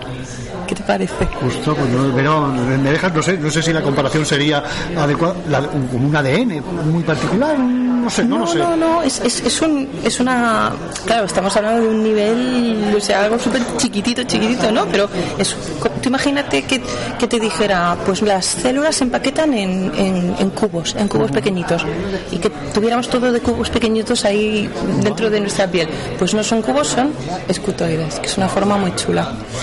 Oye, una cosa también, me gustaría un día también hacer una, una tabla redonda ahí con las autoras de cómics, hacer una buena tertulia. Pues Ah, es que sería, yo creo que sería, porque Uy, sería un tenéis allí grandes, grandes eh, nombres, ¿no? Tú, eh, Teresa Castro, bueno, que ya tuvimos en el programa, Mm. y yo creo que sería, sería fenomenal, ¿eh? Vale, pues cuando quieras, cuando quieras, sí. ¿Tienes algo en el cajón? Bueno, esto acaba de salir prácticamente. Esto acaba de salir. Ah, Tengo esto- algo en el cajón que es un cómic largo de divulgación científica eh, para todos los públicos que va a salir en otoño. En otoño. La pero no puedo contar mucho más. Vale, no, no, no, La pandemia, ah, lo único así un poquito afortunado, y sobre todo a los, a los comiqueros y las comiqueras, es que os ha hecho un poco dejar cositas guardadas en el, en el cajón de la mesita de noche, ¿no? Sí, decir, tengo aquí esto, ya lo Habéis tenido mucho tiempo, ¿no? Hemos tenido tiempo. Sí, sí. Eh, la esperan ahora para hacer una foto ahí de familia en, en, una, en una exposición que es realmente que espero que vengáis a verla, que es La Magas del Humor, que es genial. Y bueno, vamos a dejar ahora a Raquel, Raquel García para que vaya para allá. Ha sido un placer inmenso poder por fin hablar contigo Lo mismo y, digo. y disfrutar de tus sapiencias. Yo espero, vamos, un día también a pro- profundizar y, y poder hablar más, más tiempo. Genial. Oye, Raquel, muchísimas muchas gracias.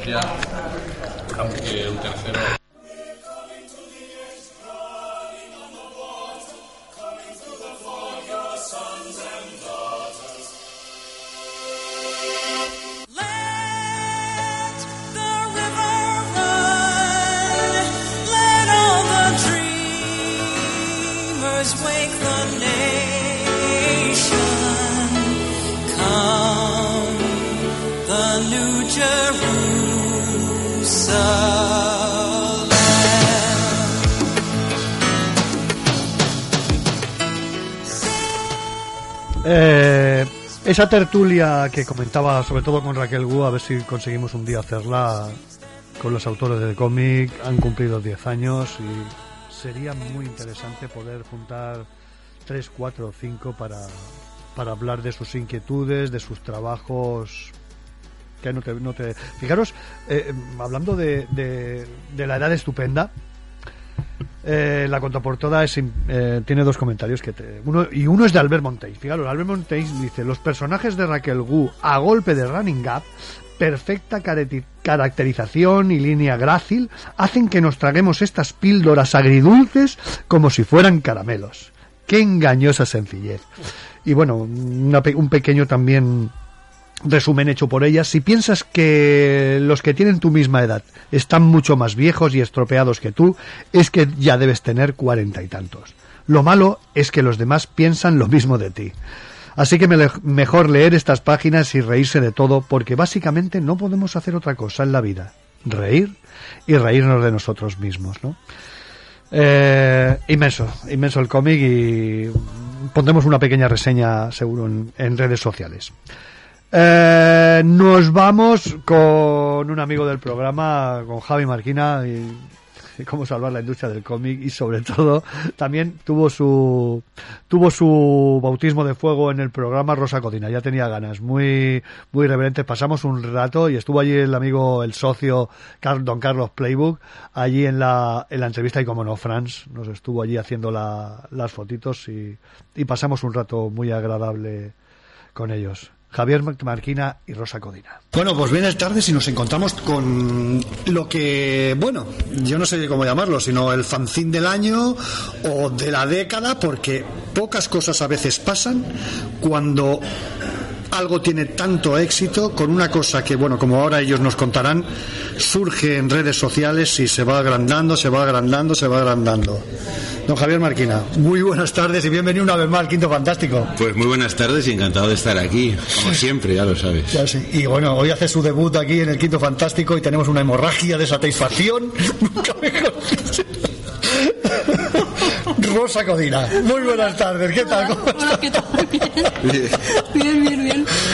Bueno, oye, ¿qué tal? ¿Cómo, cómo, cómo- Bueno, llevamos muy poquito. ¿Qué tal? Buenas han sido las impresiones. Firmáis mañana por eso, ¿no? Sí, sí, empezamos las firmas mañana, pero la verdad es que desde que salió el cómic, eh, pues la verdad es que yo, yo creo que está, por lo menos está despertando interés, ¿no? Que yo creo que es lo fundamental. Mucha gente está hablando Sí, sí. de él y, y yo creo que hay ganas de Sí, tanto sí. de leerlo como de hablar de él, Sí, todo. bueno, sí, sí, a mí me está, a ver, a veces me preguntan, ¿qué? ¿Cómo está yendo? ¿Qué tal las ventas? Y digo, hombre, no lo sé. No lo sé, Quiero acaba de salir Es que acaba de salir, no lo sé, pero claro, todos tenemos como buena sensación y todo y bueno, realmente nos estamos como estrenando porque Hmm. es el primer salón que, que, bueno, yo aún no lo había visto en ninguna, no salgo, soy vivo en Bueno. las montañas. Eh, quiero decir que no lo había visto aún así y he visto gente comprándolo y te hace como una ilusión que dices, bueno, bueno, venga, va, a ver qué tal va. ¿Qué tal va? Pero bueno, optimistas, claro.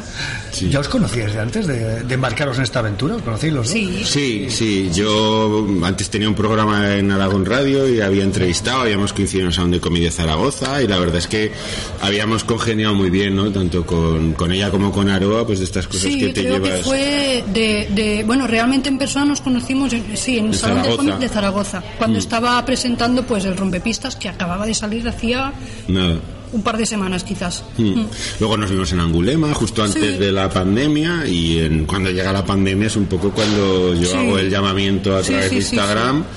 Y justo coincide con que Rosa está precisamente buscando una cosa corta, con guionista, para, porque, bueno, Sí, yo llevaba, bueno, claro, es que el rompepistas me llevó mucho tiempo de hacer, eh, bueno, porque también tuve que estar trabajando de otras cosas y tal, y, bueno, acabé, claro, son doscientas y pico páginas, acabé un poco con la cabeza como un bombo, y yo pensaba, digo, hostia, tengo ganas de volver, tengo ganas de dibujar, pero no puedo ahora mismo meterme en una historia larga porque me voy a morir.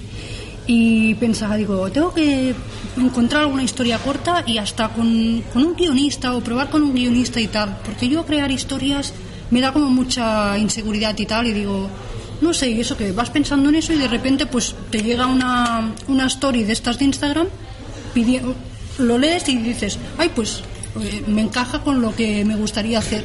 Y, ¿Y se lo dije. Y cuando lo lees la primera vez y dices, ¿cómo que salvar la industria del come, Javi? Es que, no- bueno, no sé cuál sería tu, tu reacción, ¿no? No, no, bueno, el, no había título, o sea, cuando... Ah, no había título. en aquel- eh, no, estaba así que la, la idea del fanzine, como, que, es la, que es la previa me del apetece, cómic. o sea, claro. o sea, tú era más, era como un llamamiento a Mm. dibujantes, en plan, mira, me apetece hacer algo que hable sobre cómo está el mundo del cómic, los protagonistas seríamos nosotros, Nosotros. mismos y sería algo en plan, como hablando de un tema serio, pero, pero en plan comedia, era, Sí. era como una descripción así Y a mí me apetecía sencilla. un poco contar cómo es la relación entre el dibujante, el guionista, Sí, cómo exacto. elaboras un dossier, cómo se lo colocas en una editorial, lo que pasa Sí, después. y entonces, era como, como el principio de la idea, ¿sabes? Sí. Era, Y luego, claro, y luego sí que es cierto que al final del, del fanzine, del cómo hacer un cómic sin tener ni puta idea, había como unas páginas que hablaban un poco de cómo funcionaba la industria, pero Sí. muy esbozado. Sí, claro, que por eso se llamaba un poco cómo hacer un cómic sin tener ni puta idea, porque la primera parte era cómo, cómo, encuentras al el dibujante. cómo- sí, sí, y luego y luego a partir de allí es cuando nos, nos llama ECC y nos dice que quiere hacer el, Mm. el cómo salvar la industria del como, puta idea. como, como un año después o así, ¿no? Fue. Sí, sí, más o menos. Sí, fue. La verdad es que el fanzine funcionó muy bien porque Mm. vendimos todo lo que... ¿Cuántos ejemplares hicisteis de fanzine? Yo tiré porque como estoy yo estoy un poco loco, ¿no? Yo fui a la imprenta en Huesca de un colega y le dije, eh, hazme presupuesto para 500. Y me dijo, pues, pues 500 te los hago por 500. 600 euros. Y dije, ah, pues tírame 500. 500 para ser un... Y luego ¿En todo el mundo- Oye, está muy bien de precio. Claro, si es que sale tirado. Es que salía tirado, claro, cuando me dijo el tío, pues el 500 te los hago por 600 no me pavos. Porque el- y ahora ya viene la explicación a Fapasta, Ah. cuando llegas a tiradas grandes puedes entrar en offset. Y el offset Ah, sale no. mucho más barato Claro. que el digital. Si lo hubiera hecho en digital, probablemente si hubiera tirado 200 me habría costado lo mismo.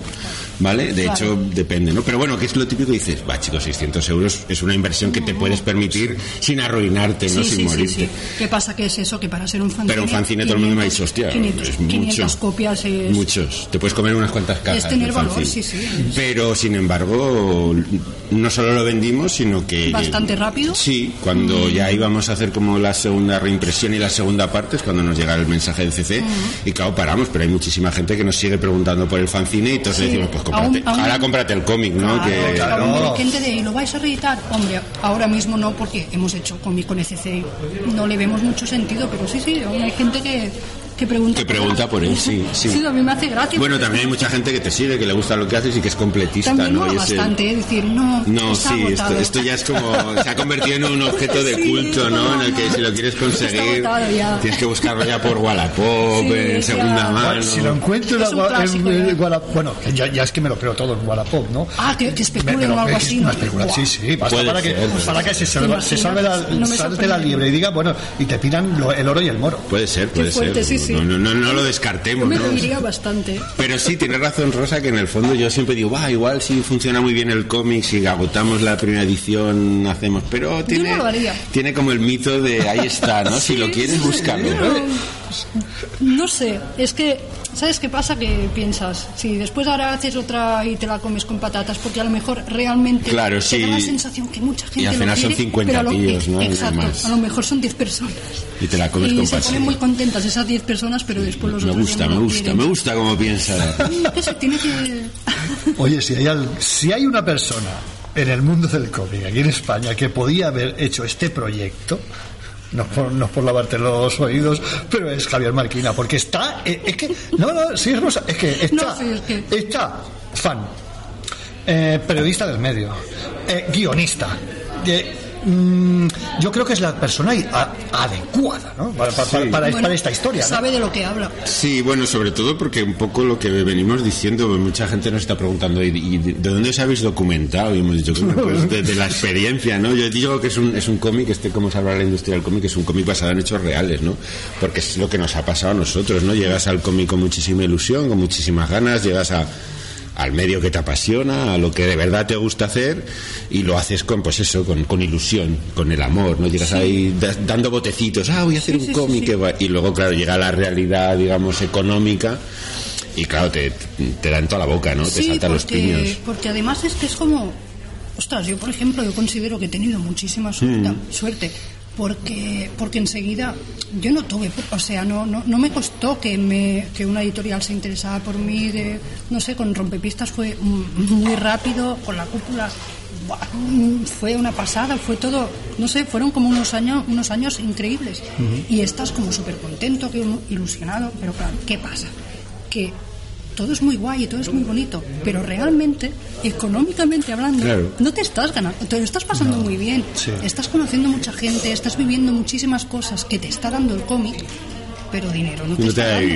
Y claro, cuando, cuando se te acaban los ahorros, es que me río de, de nervios, pero se te acaban los ahorros y es cuando dices, ¿Y ahora qué? tío, no puedo vivir de esto. Sí. Y es cuando empiezas a plantear. Sí, es, es el problema que yo lo he, pues he contado muchas veces que es, o sea, en realidad deberíamos decir no vamos a hacer más tebeos. Mm. Pero el problema es que como estamos en una posición en el- la que nos envidia muchísima gente, o sea, lo- nuestra posición es de privilegio. Y el de decir, habéis Decir, joder, suerte". fíjate, y te está publicando tal, y tú eres un tío que has- saliste de, de fan y ahora eres un tío que vas saludando a todo el mundo, que, que ahora en FC te han puesto una lona, con, sí quiero decir, estás como en una situación de privilegio cuando dices, o sea, estás envidiando a, a casi al homeless que, que, que tiene el bidón de gasolina ardiendo en la calle, ¿no? Porque no, no es una no te da una ni solidez económica ni te da posibilidades de plantearte una vida vamos a llamar de bueno de subsistencia no de pagar un alquiler de comprarte ropa de pagar la luz claro entonces dices joder es una posición envidiada con lo cual si yo ahora dejo de hacer esto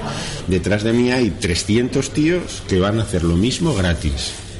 Y claro, es un- hay que un poco comunicar y abrir los ojos y decir que de alguna manera tenemos que intentar trabajar para que esto cambie, porque ahora mismo así la situación no, no tiene sentido, es, eh, no puede seguir funcionando así, hay que hacer un esfuerzo además conjunto de autores, de editoriales, de librerías, de distribuidoras, o sea, tenemos que intentar entre todos cambiar esto, ¿no? Y también entre los lectores, ¿no? Porque una parte muy importante de la industria es la gente que te consume, la gente que te lee y la gente que compra, ¿no? Porque al final, en el sistema capitalista, el que tiene realmente el poder es el consumidor. Si, no, si tú no compras, la cosa no se vende, esa cosa se muere, desaparece. Y si tú quieres hundir una empresa, no compres su producto, ya está, se acabó, no tiene nada más que hacer, ¿no? Entonces creo que es una acción que tenemos que hacer entre todos y un poco el cómic habla de, de todo eso, ¿no? De cuál es nuestra situación y sobre todo de, de que tenemos que tampoco damos las claves porque si las supiéramos pues las estaríamos poniendo en práctica pero sí que hacemos ese llamamiento a que entre todos podamos por lo menos intentar cambiar las cosas ¿no? y creo que sí que podemos hacer cosas ¿no? porque creo que es muy complicado pero se pueden hacer Hombre, cosas excepto los top tems, ¿no? que los grandes buques insignia ¿no? del mundo del cómic, pero todos los demás y más, yo desde que estoy haciendo el programa y tal, nunca nunca te nunca lo sabes, pero hablas con ellos o haces un off the record y tal, y dices, no, es que yo tengo otro trabajo. Un día con Raúl el guionista, eh, hablando de "Oh, esto, tal". no, es que yo tengo otro trabajo. Sí. ¿No? Ya, ya, ya, yo y plego, flipas, ¿verdad? Sí, sí. plego de trabajar, de estar ahí en Pedralbes, de, eh, de estar, de conserje y me voy conserje, y me pongo a, a luego, guionizar. y luego que también hoy lo- lo- yo le, he habl- hoy lo he estado hablando esta mañana con David Rubín y luego miras o sea la gente que en teoría puedes considerar que está en un nivel vamos a llamar entre los 10 mejores dibujantes pongamos a hablar de Pepe Larra, de Jorge Jiménez, de gente que está haciendo Batman, que está haciendo la Patrulla X, esto es decir, que está haciendo cómic americano a nivel super top. Luego lo ves y no es gente que conduzca un Ferrari, que tenga una casa en Aspen y que se vaya de vacaciones a la Riviera porque tenga una casa. No es gente que vive bien, o sea, que tiene un nivel de vida medio, es decir, es gente que, que es como un trabajador cualificado de, Pero- de- de- de cualquier empresa de- del mundo, ¿no? Pero, pero no estoy hablando de un cargo directivo, estoy hablando de un trabajador normal. Entonces, claro, estás diciendo, joder, si el super top lleva una vida normal, Normal. ¿Qué pasa con la cultura, no? ¿A qué nivel Pero nos es estamos moviendo con el cómic? Además es gente que mayormente tiene que, o sea, si tiene una, llega a tener una vida normal es porque está trabajando para, para, Para otro país. Estados Unidos, Francia, otro país que no es España. Hmm. Y además que también tienen unos ritmos de trabajo Brutales, bestias. sí, sí. Porque a veces, hostia, yo es que no sé, David Rubin, por ejemplo, no sé cuánto cuánto tiempo hace, pero vi por Twitter que decía tengo que descansar un poco porque que había tenido hasta como, Sí, sí, como pero- problemas un poco de salud, de decir, tío, si yo sigo con este ritmo me va a petar. Me voy a morir. Es que me va a petar Sí, la sí. patata, ¿sabes? Un poco lo que pasa con Y- Japón y los mangakas, Claro, que algunos claro, claro. directamente se mueren. Creo Se que mueren, también- sí, creo no, no, no, no. Creo que también es importante hablar de esto, de decir, ostras, tú te estás ganándote la vida, vives bastante bien, que es como lo que nos gustaría un poco a todos, pero ojo. A un ritmo de trabajo bestial. Es súper idílico, es que Mm. parece es como. ¿Qué es lo idílico? Creo que no existe, ¿no? Pero, Mm. pero es como.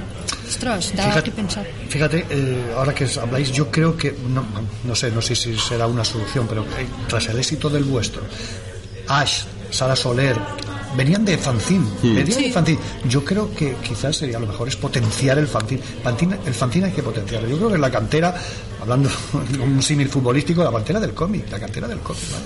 Bueno, mira, mira el Graf y sitios como estos que están creciendo cada año más y más y, hostia, no sé, a mí me encanta. Pero a mí siempre me ha encantado todo lo que sea hazlo tú mismo, de coger y yo qué sé, cuando eres pequeño, que bueno, es que yo era muy rara de pequeña, yo, cuando algo me gustaba hacía como mi propio fan. Oye, eres muy, muy underground. ¿Qué, qué cómics te han influenci- influenciado? No soy tan, es que creo que no soy tan underground como la gente. O sea, sí que me gusta mucho el underground, pero creo que, por ejemplo, no sé, de pequeña era muy normalita con. Leía Son Goku que empecé a mirármelos antes de saber leer, porque mis primos son mayores que yo y. Asterix, eh, quiero decir, era una niña normalísima. Y después sí que, yo qué sé, pues te aficionas, pues. Yo qué sé, pues con Jaime Martín, siempre, Uf, siempre hablo uf. de. siem- pero no sé, me gustaba como la línea clara, ¿no? Cuando, yo qué sé, Martín. Siempre me, me ha gustado mucho fijarme con gente que es bastante de aquí porque me he sentido como más dentro de las historias. Jaime Martín, por ejemplo, con Sangre de Barrio, no es que me Uf. sintiera, no es que me sintiera identificada, pero, pero no sé, tenía como algo que, que me hacía reconocer un poco las cosas y no sé, siempre soy fatal con esto de los referentes, ¿eh? Yo con Jaime Martín es que no sería objetivo, porque es que es uno Es de mis sí, ídolos. sí, Conocerlo, es- después de haberlo visto en el vivo, la sangre Sí, del barrio, siempre- jamás tendré 20 años, volveré a tener siempre 20 Si años. algún día me escucha pensará, ¿por qué siempre dice mi nombre? Porque tía siempre me cuando- nombra, ¿no? ¿Qué va, tío? Porque es como el Me va a cuchillar la próxima vez que me vea. Qué pesada es, ¿sabes? Pensará, yo qué sé, pero por ejemplo, alguien que me flipa también muchísimo, Montéis, bueno, ¿sabes? Mm, yo qué sé, ¿cómo colorea? ¿Sabes? Es algo que tú a lo mejor lo ves en mis dibujos y dices, no me parece que sea un referente tuyo, pero como colorea, me he fijado siempre mucho cómo colorea. Em, no sé, historias que, me gusten muchísimo. Eh, Leo, por ejemplo, también, yo que sé, Beator no hace mucho cómic, pero hace un rato lo hablábamos con una amiga que el último cómic que tiene es una pasada, ¿sabes? Eh, Irene Márquez. Eh, me gusta la gente de aquí, lo que está haciendo ahora mismo la gente de aquí de mi generación, creo que es una pasada y, No, yo estoy disfrutando. Soy Creo- lector creo de que- superhéroes y tal, pero, pero yo con lo que estáis haciendo la gente de aquí estoy disfrutando porque es que no tiene nada que envidiar mm, a nuestro mercado más próximo, que es Francia. Mm. Yo para mí estoy disfrutando con, con lo que estáis sacando. Creo que tenemos una autoestima muy baja y no somos conscientes de lo, de lo que podemos hacer. Mm. Ni siquiera a nivel, lo que decíamos antes, ¿no? a nivel del consumidor, hay una conciencia de que, de que estamos, quiero decir, si tenemos a dibujantes y a guionistas trabajando fuera y a nivel top, es que podemos hacerlo aquí. O sea, quiero decir, ¿por qué tenemos que, quiero decir, podemos hacer grandes cómics y grandes cómics de todo tipo, ¿no? Que yo creo que eso es un poco el, lo que más nos cuesta a nivel de España, ¿no? Darnos cuenta de que el género, podemos hacer cualquier tipo de género, cualquier tipo de cómic Es que y de cuando, calidad. cuando me hablan de géneros y de cosas así, pienso, digo, es que mm, yo tampoco pienso que no, no está bien encasillarse solo en un género. Quiero No, decir, es que si la historia, yo creo que al final, si la historia es buena, por eso también con los referentes también me pierdo, porque, porque pienso, es que no lo sé, porque no, no, no, no busco un género concreto. Por eso te digo que la gente muchas veces dice, hostia, vamos a coger un cómic de ciencia ficción y es, son españoles. Pues, hostia, Oh, ciencia no, ficción como si españoles ya no, como si españoles es nunca que- hubieran es que no hecho pueden ciencia ficción, ¿no? Es que no tiene- Entonces es como, es es, romper un poco esa barrera de que creo que, como dice Rosa, al final tienes que comprarte buenos cómics que te cuenten buenas historias, ¿no? y Sí, ya ¿qué está. más da de donde sean? ¿Y qué más Hmm. da de...? Es que no sé, es que somos un poco... Un poquito raros, ¿no? Sí, no sabemos mirarnos no, sa- nosotros no sabría mismos, sí describirte, verdad. pero, pero sí que es como... Vamos a dejarlo ahí. Vale. Eh, oye, ¿cómo llega el pelotazo de ECC? Eh, os quedaríais de piedra después Pues de repente, yo pensé, pensé, pensé por qué. Lo- lo- cuando vi el... el Bueno, pensamos que era un timo, nos pensamos que me estaban troleando. Fue como, no, tío, esto no puede ser. estás un día, yo qué sé, diré martes, sin saber yo qué día era, un martes por la mañana y te llega un mail, etc. Y yo, CC, qué raro, ¿sabes? Pensé, entonces miras y dices, Aún más raro. no puedes, no puedes, yo, ¿por qué? Pero esto es, ¿sabes? Claro, hablas con él, ¿eh? Ahí sí, sí, a mí también me ha llegado.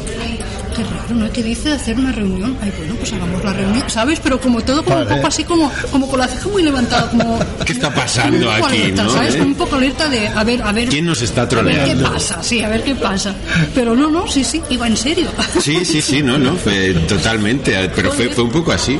Sí, ellos se pusieron en que- contacto con nosotros, ellos nos dijeron que se habían comprado el fanzine, que se les había gustado, que querían hacer lo que hemos hecho ahora, ¿no?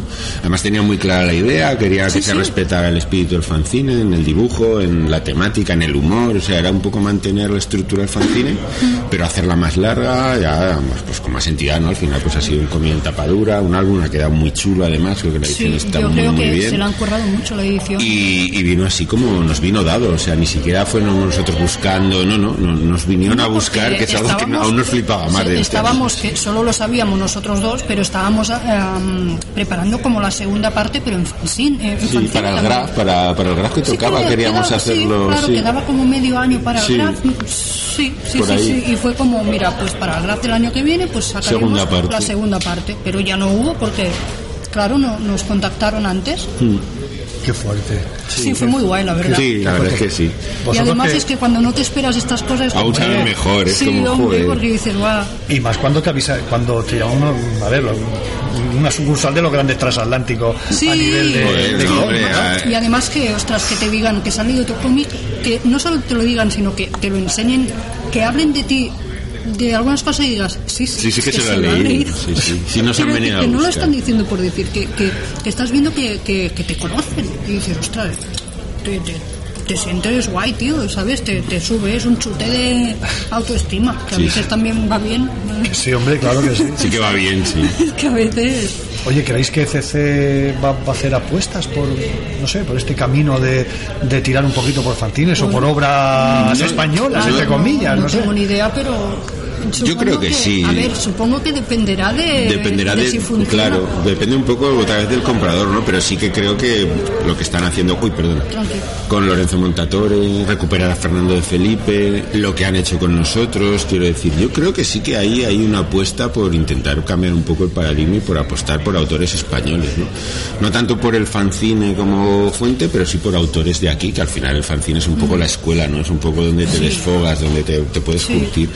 Pero yo, supongo que está en las manos también un poco de, de la gente, de que, Claro. de que, de que, de que les funcione Claro, económicamente. es que eso es, quiero decir, al final ECC es una empresa y Claro. busca beneficio, entonces si ellos hacen una apuesta pero nadie les acompaña en esa apuesta, los lectores no compran lo que sacamos, siempre y cuando la, la calidad corresponda, yo creo que están, están- se están haciendo Yo cómics de calidad. sí. Yo creo que sí. Yo creo que sí que van a continuar, Están ¿no? quedando muy chulos. Estaba mirando hoy el de, el de Montatore y estaba Mm. viendo también el de el de Danide y Ah, sí, el de ¿sabes? Ese es sí. muy- además ese ya Sí, tiene tiempo, es están recuperando todo lo de Danide, y lo están digo, recuperando. qué, qué chulo, o sea, Mm. es que lo ves y dices Pero sí que es cierto que están como tomando, pues eso, están Sí. por lo menos posicionándose. Sí. Ya veremos qué pasa en el futuro, pero parece que, que quieran ponerse pues en el mercado como diciendo, oye, mira, que no somos solo DC, ¿sabes? Que aquí estamos Sí. nosotros. Y a mí me intentando parece, otra cosa, por Me lo parece interesante, bueno, porque yo soy de aquí y se están apostando para la gente de aquí, dices, pues me parece muy bien. no, me no. parece guay. Creo que, hostia, estaría No. guay que funcionara. No todo en esta vida son superhéroes. No, Bueno, yo creo que no, pero claro. Bueno, la pasta Bueno, manda oye, ya para veces. acabar, que tendréis ganas de descansar y todo el rollo. ¿Qué tenéis guardado en el cajón de la mesita de noche? ¿Tenéis alguna cosita ahí que se pueda decir o todavía no se puede decir nada?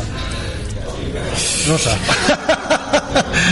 No, yo sí, sí, yo hace tiempo que estoy haciendo un cómic con, con la cúpula, pero, pero bueno, es un cómic gordo a color y bueno, pues voy a tardar un poco. Va a su ritmo, sí. Voy a tardar un poco. Y yo ahora, cosas que sí que yo creo que ya se han anunciado, estoy con, con Jaime Infante, que ya trabajé con él en, en Empel y en Progenie, estamos adaptando para Outsider el, el Mear Sangre, que es la biografía de Dum Dum Pacheco, del boxeador. Y estamos haciendo una adaptación, un poco contar su vida y demás, y, y, bueno, estamos ya en ello, ya. Bueno, Jaime me está soplando la nuca, yo escribo, pero casi va más deprisa que yo, le digo, Hostia, ¿eh? respira, tío, respira, joder, que, que- que- que- no- Estos dibujantes cuando le pillan el truco. Qué horror. Qué horror. Pero sí, estamos en eso y la verdad es que la gente ha visto páginas de lo que está haciendo Jaime, está quedando espectacular. Pues oye, Rosa, Javi, es un placer teneros aquí en el Quinto Fantástico de Radio Gabá. Muchas gracias Que por invitarnos. Y oye, contarnos vuestras aventuras, desventuras y espero tener vuestra noticia vuestra, sobre todo con esta que me ha llamado muchísimo la atención. Bueno, pues espero exactamente que, que nos leáis. Y aunque sea gorda esa que dices que tienes y un tochal, pues oye, ya hablaremos de ella. Llegará, llegará. Tardará, pero valdrá la pena, Bueno, ya oye, veréis. Javi, Rosa, muchísimas gracias. Gracias a vosotros. que vaya bien.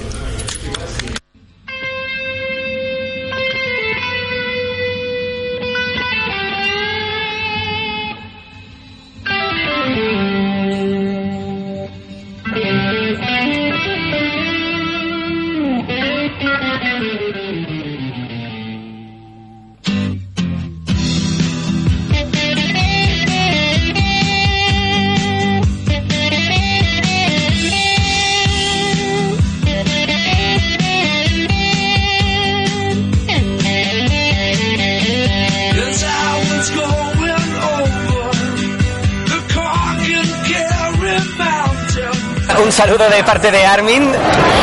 Besos de parte de mi casa. Muchísimas gracias de parte de Nicolo.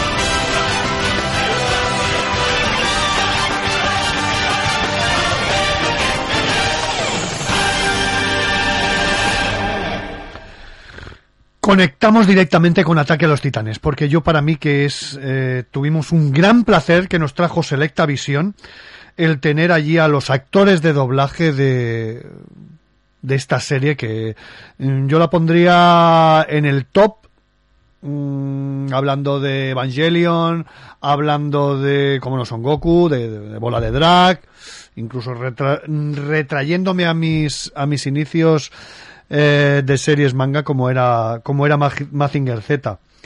Muy bueno, estuvieron allí regalando unas, unas láminas preciosas, preciosas con dedicatorias, con cositas para, para el fandom, para el fandom de, de Ataque a los Titanes. Eh, yo eh, la estoy viendo gracias a mis hijos y, y me lo estoy pasando pipa, ¿no? Porque es una, una serie con unos cambios de guion impresionante. Yo espero tenerlos cuando acaben. Ahora quedan, bueno, después de todas las tempo- del- de las cuatro temporadas, eh, quedan dos episodios finales de, de una hora. Eh, espero poner, creo que no están traducidos, si no me, no me equivoco todavía, eh, sobre todo uno que ya está aquí, que es el, eh, lo que sería la, sesión final. Agradecer sobre todo a Graciela Molina, mi casa Ackerman, a Rubén Félix, Nicolo, y aparte de ser Nicolo, es también director de todo, de todo el doblaje de, de la serie, y a Mar Gómez, Arnin Arlet. Es, es un algo mm, muy, muy para todos los que los que los que gusta el manga yo, yo me considero me considero sobre todo eh, muy fan de la serie. Eh, aparte de, de ver el, el cómic me gustaría perdón aparte de ver el de ver la serie eh, creo que el cómic tiene tiene muchas cositas y que es puede ser muy jugoso muy jugoso leerlo. Así que Maite vamos a ver qué nos contaron tanto Graciela como Rubén como Marc. Bueno, domingo aquí en el salón ya pegando los últimos coletazos y nos encontramos con lo que para mí es la serie, el último manga de de moda, de equiparable a, las grandes sagas como pueden ser Son Goku, como puede ser Mazinger Z, bueno, hablo con mis 57 años. Y nos encontramos con Rubén, con Graciela y con Marc, que como no, son eh, Nicolo, mi casa y Arnin. Muy buenos días y bienvenidos Buenos al Quinto días. Fantástico. Un placer, hola. ¿Qué tal? Un placer, muchas gracias. ¿Qué tal? Hola, ¿Cómo- buenos días. ¿Cómo estáis? Bien, muy emocionados, siempre da Contentos, contentos, contentos. Ver, ver como el feedback de la gente que les gusta tu trabajo y tal, les hace ilusión y Es hace- increíble. Sí, sí, no hay palabras para describir lo que se siente Sí, ¿eh? con sí, tanto sí. cariño. Yo creo que, eh, mira, fíjate, lo que estáis diciendo ahora vosotros es estar súper enganchados. No sé, ¿el éxito de la serie os, os ha impactado tanto? Sí, a ver, claro, llevamos como 10 años doblándolo realmente, o sea que, tenemos como... eh, Ya desde el principio, entre la banda sonora, la animación y todo lo que pintaba, ya dije, "Hostia, esto es una, parece una muy buena serie. Pero claro, de repente darte cuenta que llevas, pues eso, 10 años, dices, ostras, mm, es, es, es, es- algo grande. Y mola que, que siga aún, de hecho, aún no se ha acabado la, la- de, de- de emitir en Japón y tal, y esto es, algo que, que sí, sí, que al menos en el pozo de la memoria quedará de algún modo y poder participar es maravilloso. Sí, yo pienso igual. Eh, yo me imaginaba que sería una gran serie, pero nunca te imaginas que vas a estar 10 años de tu vida Claro, claro. acompañando al personaje. No lo parecía, no lo parecía al principio y luego dices, y otro año más, y otro año más, y otro año más. Y dices, bueno, pues fenomenal, encantadísimos y ver que va creciendo y que crece el feedback de la gente, la alegría, la emoción y nosotros con ellos, es increíble. ¿Cómo os ha influido a vosotros, sobre todo a la hora de hacer los, los doblajes? ¿Cómo os ha influido estos cambios de guion? Porque es que es un locurón. Eh, eh, a ver, yo tengo 57 años y veo que cada vez te presentan unos personajes que son los buenos, que dices, "Ostras", y según va avanzando, va avanzando, va avanzando, cada uno tiene su historia y te va pegando, que ya veremos. Bueno, no quiero hacer ningún spoiler, pero que bueno, que los buenos no son tan buenos y los malos no son tan malos. Pero como en la vida misma, ¿eh? Pero como en la vida misma. Sí, nos impacta igual y lo vamos descubriendo a la vez que vosotros. Claro, como actores es muy divertido ver, ver cómo los personajes no son siempre iguales, cómo son redondos y no planos y además los animes que además son siempre tan extremos y tan histriónicos y tal, es, es muy divertido, sí, sí. O sea, es, muy- es muy A guay. mí personalmente la fuerza que tiene en mi casa siempre me llena de energía. Ya puedo llegar un día de un poco de bajón y ya me cubre todo ese día, me, me recarga las pilas. Es, es Como- una parte de mí. Como director es un marrón en sala el decir vamos a vamos a ver vamos a explicar esta psicología de, de- de- lo que estabas viendo tres temporadas digamos que olvídalo y vamos a hablar de otra cosa distinta y, y es como un reinicio un poco eh, cómo explicarle a los actores la cosa moral. No, no tantas veces tienes la oportunidad de, de estar en sala trabajando algo tan psicológicamente profundo que te revuelve tanto que te exige tanto. Es muy enriquecedor y como actor es súper divertido mm, muy difícil y a la vez creo que es como muy mm, satisfactorio poder poder verlo y decir madre mía que estamos hablando de algo muy serio que va mucho más allá de dibujitos Sí, sí, sí. sí. va mucho mucho Mucha más temática allá social, lo que tú, lo que tú decías, Graciela, que nos impacta el personaje, en este caso de, de mi casa, ¿no?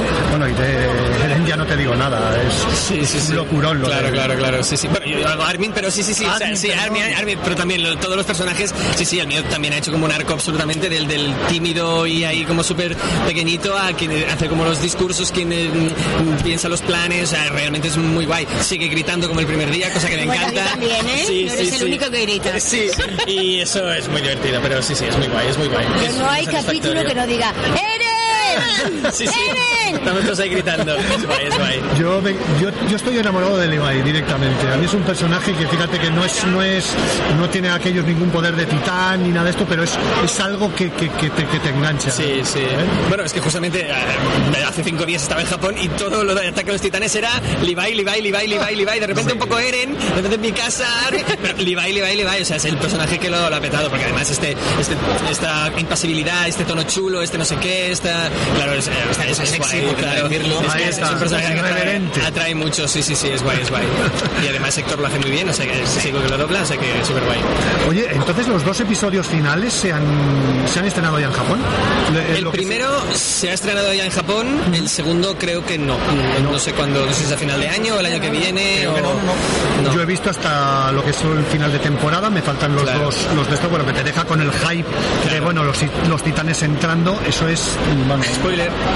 Ay, oh, perdón, perdón, perdón. bueno, bueno, ya, está, ya, no digo nada más. ya no digo nada más. Ah, em, Me imagino que doblaréis vosotros lo, Si nos llaman, sí, claro, esto no, no está en nuestras manos, Esto- pero... esto es- esta pregunta siempre es guay es como ¿y seguro que doblaréis vosotros? En principio sí. en principio sí, sí, pero nunca se puede contestar ¿De qué depende? Perdona, que os dentro de la ignorancia. el que paga mana El cliente. Sí, el cliente, sí. Bueno, si, si, si de repente no lo tiene selecta o si lo sigue teniendo selecta o lo que pueda pasar, si alguien está de viaje, o sea que pueda- pueden pasar mil cosas eh, que esto, pero bueno, en, en En principio, principio sí, después de tantos sí. años, yo creo que en principio sí. Bueno, pues hoy esperaremos la, la resolución. Ha sido un placer hablar con vosotros. Igualmente. Con, con actores de doblaje, porque es una faena que no poco reconocida. Parece que no, no sea nada, pero yo creo que, el- y sobre todo del- de lo que es japonés, castellano nuestro, imprimirle esa emoción que le, que le dais sobre todo a los personajes. Qué guay, pues muchas, muchas gracias. Sí, sí, es una profesión maravillosa y que dure muchos años. Por favor.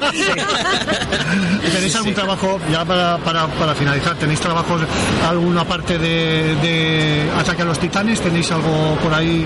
Sí, bueno, nos dedicamos a... Sí, sí, Pero sí. en plan de cine, películas y tal. De todo un poco, sí, sí. Como actores de doblaje, pues eh, intentamos hacer de todo. De, todo. documentales a películas de cine, de sobremesa, de series. sí, ¿Se llaman?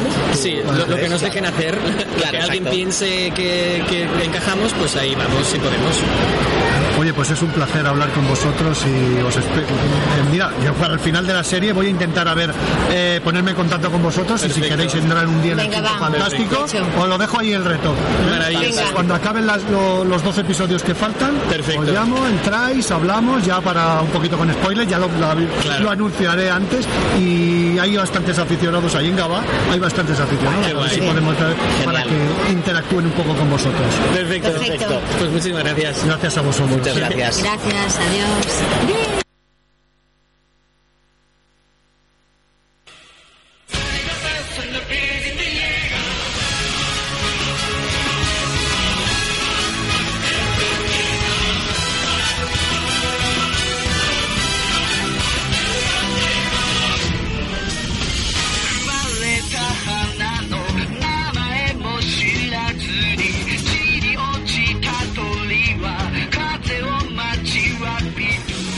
Bueno, es, eh, lo de los ataques a los titanes vamos a intentar a ver si lo podemos hacer porque es, es un locurón directamente, es un locurón de serie y esperaremos a, sobre todo estos dos episodios finales para, o a lo mejor vemos el, el, el primer episodio final y nos quedamos con el high para para ver el segundo y podemos montar, a ver si a final de temporada pues podemos preparar una charlita con aficionados y sobre todo con ellos, con, con los actores de doblaje, ¿no? Con Graciela, Rubén y Mar. Y bueno, eh, con el que dobla Eren. A mí me gustaría también eh, a poder que entrara también y sería, sería algo estupendo.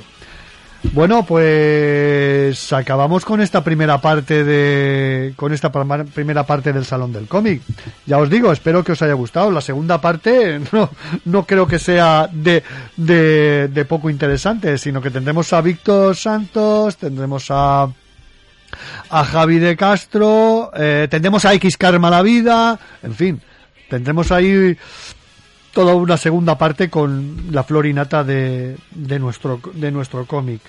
Eh, espero, ya como os he como dicho al principio, espero, espero, esperamos tener una entrevista, esperamos tener una entrevista ahí buena para, para que nos hable de sus proyectos a, eh, para que nos comente todas sus historias y demás. Así que, bueno, yo ya os, os, digo, os reemplazo para el, para el martes que viene. Muchísimas gracias y si queréis leer un cómic por la radio, aquí, en Radio Gaba. Gracias.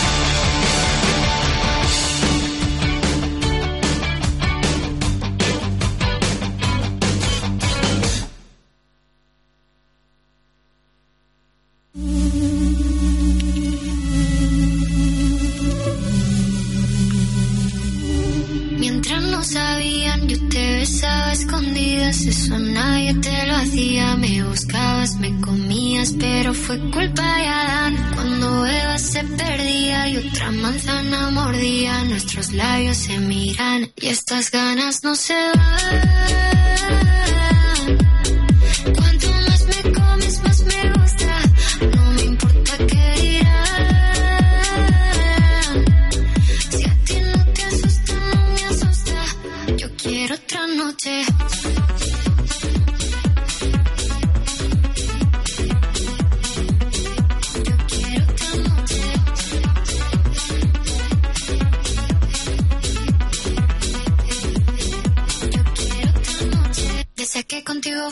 mágicas. de sé que hay un video sin publicar porque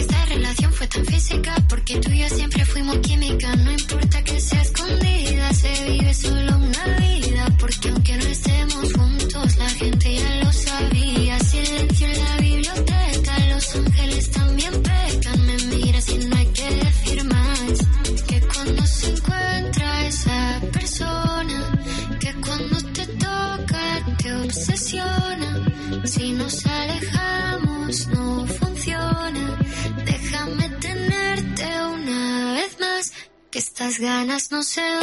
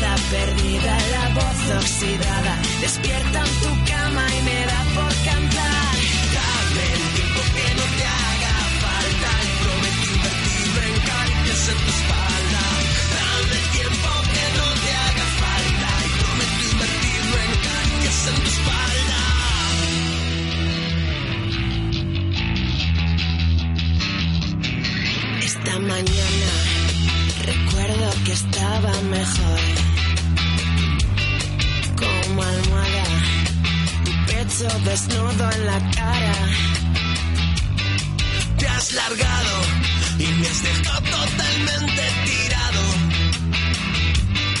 Esta mañana el calor me mataba. Me dejé la vergüenza olvidada en el fondo del vaso, en el último bar.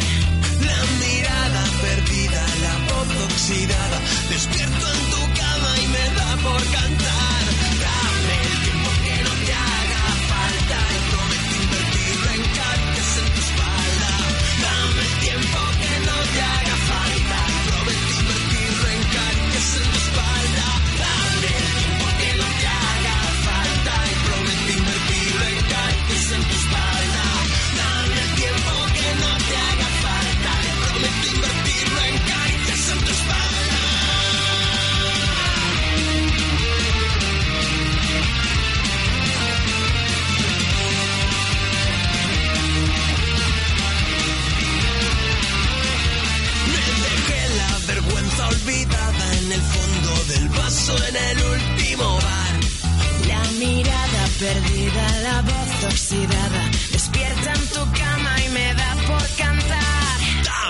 tiempo que no te haga falta.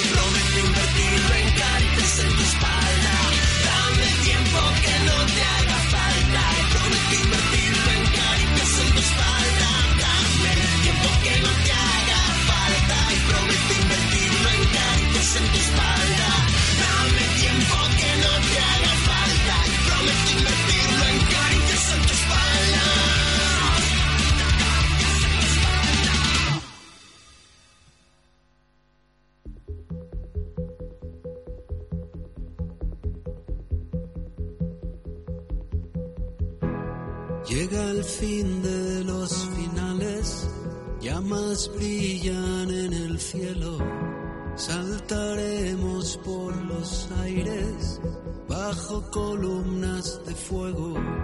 24 horas nos quedan, ya importan menos las penas que antes nos dolían tanto.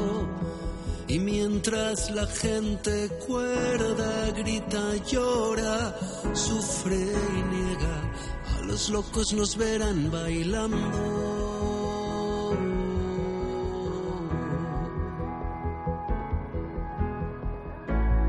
Nuestra casa se ha llenado con amigos de hace años. Hemos puesto las canciones que siempre dijeron tanto y mientras todo se derrumba, a los locos nos verán bailando.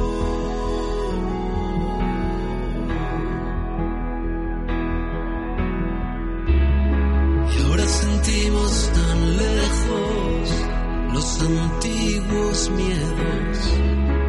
Ahora que no queda tiempo, aparecen nuevos. El miedo de que nadie nos pida un adiós y que no toquen mis manos de nuevo y que no muevan mis pies en el suelo.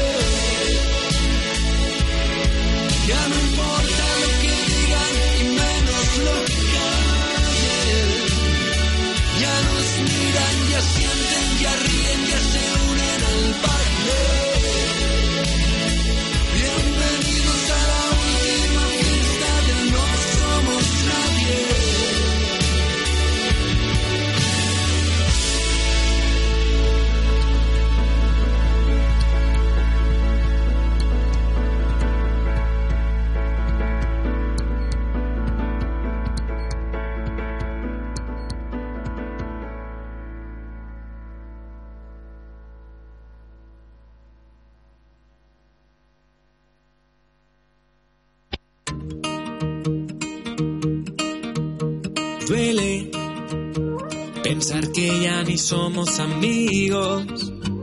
Que no volveré a dormir contigo, te juro, lo intento, ya nada es igual. Si lo pienso, hasta me duele ver un domingo que pasa y no lo paso contigo. Qué pena dejar todo atrás. Si me elegiste a mí entre un millón, decidiste darme el corazón,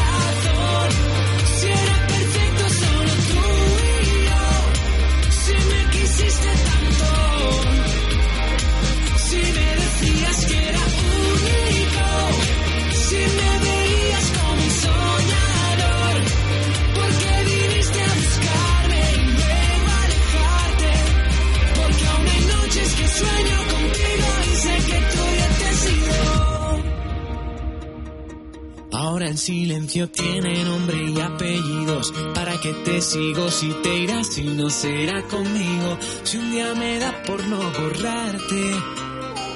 No creo que este corazón me aguante. Algo me dice que esto no acabó, que falta un capítulo por ver. Donde sí estoy yo, aunque no sepa ni explicarte. Sé que no sé cómo olvidarte. Elegiste a mí entre un millón,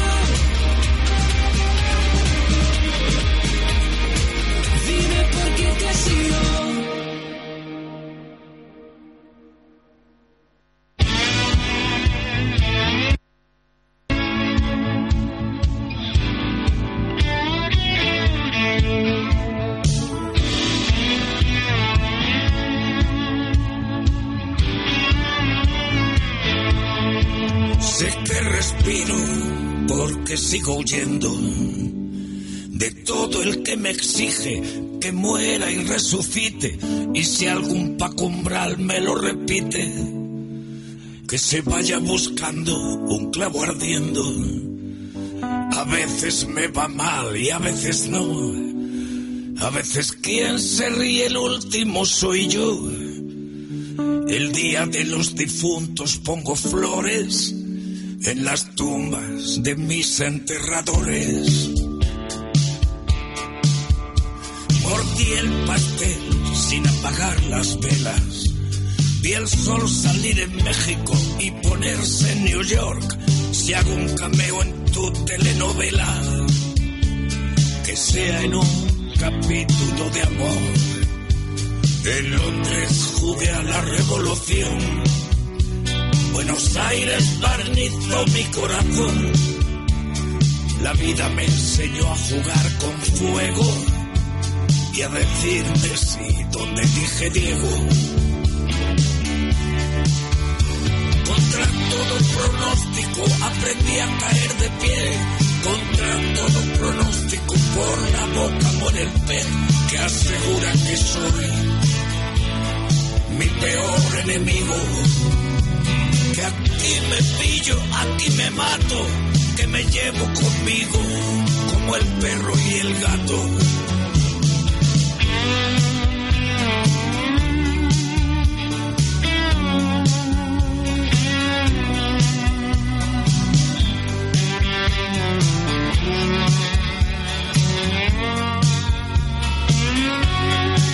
Nunca he firmado daños a terceros, ni trajes a medida de príncipes desnudos. Si me abrazas, si me usas como escudo, correspondo disparando al mensajero.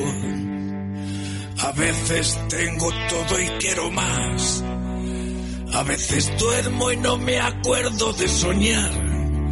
Y a veces cicatrizo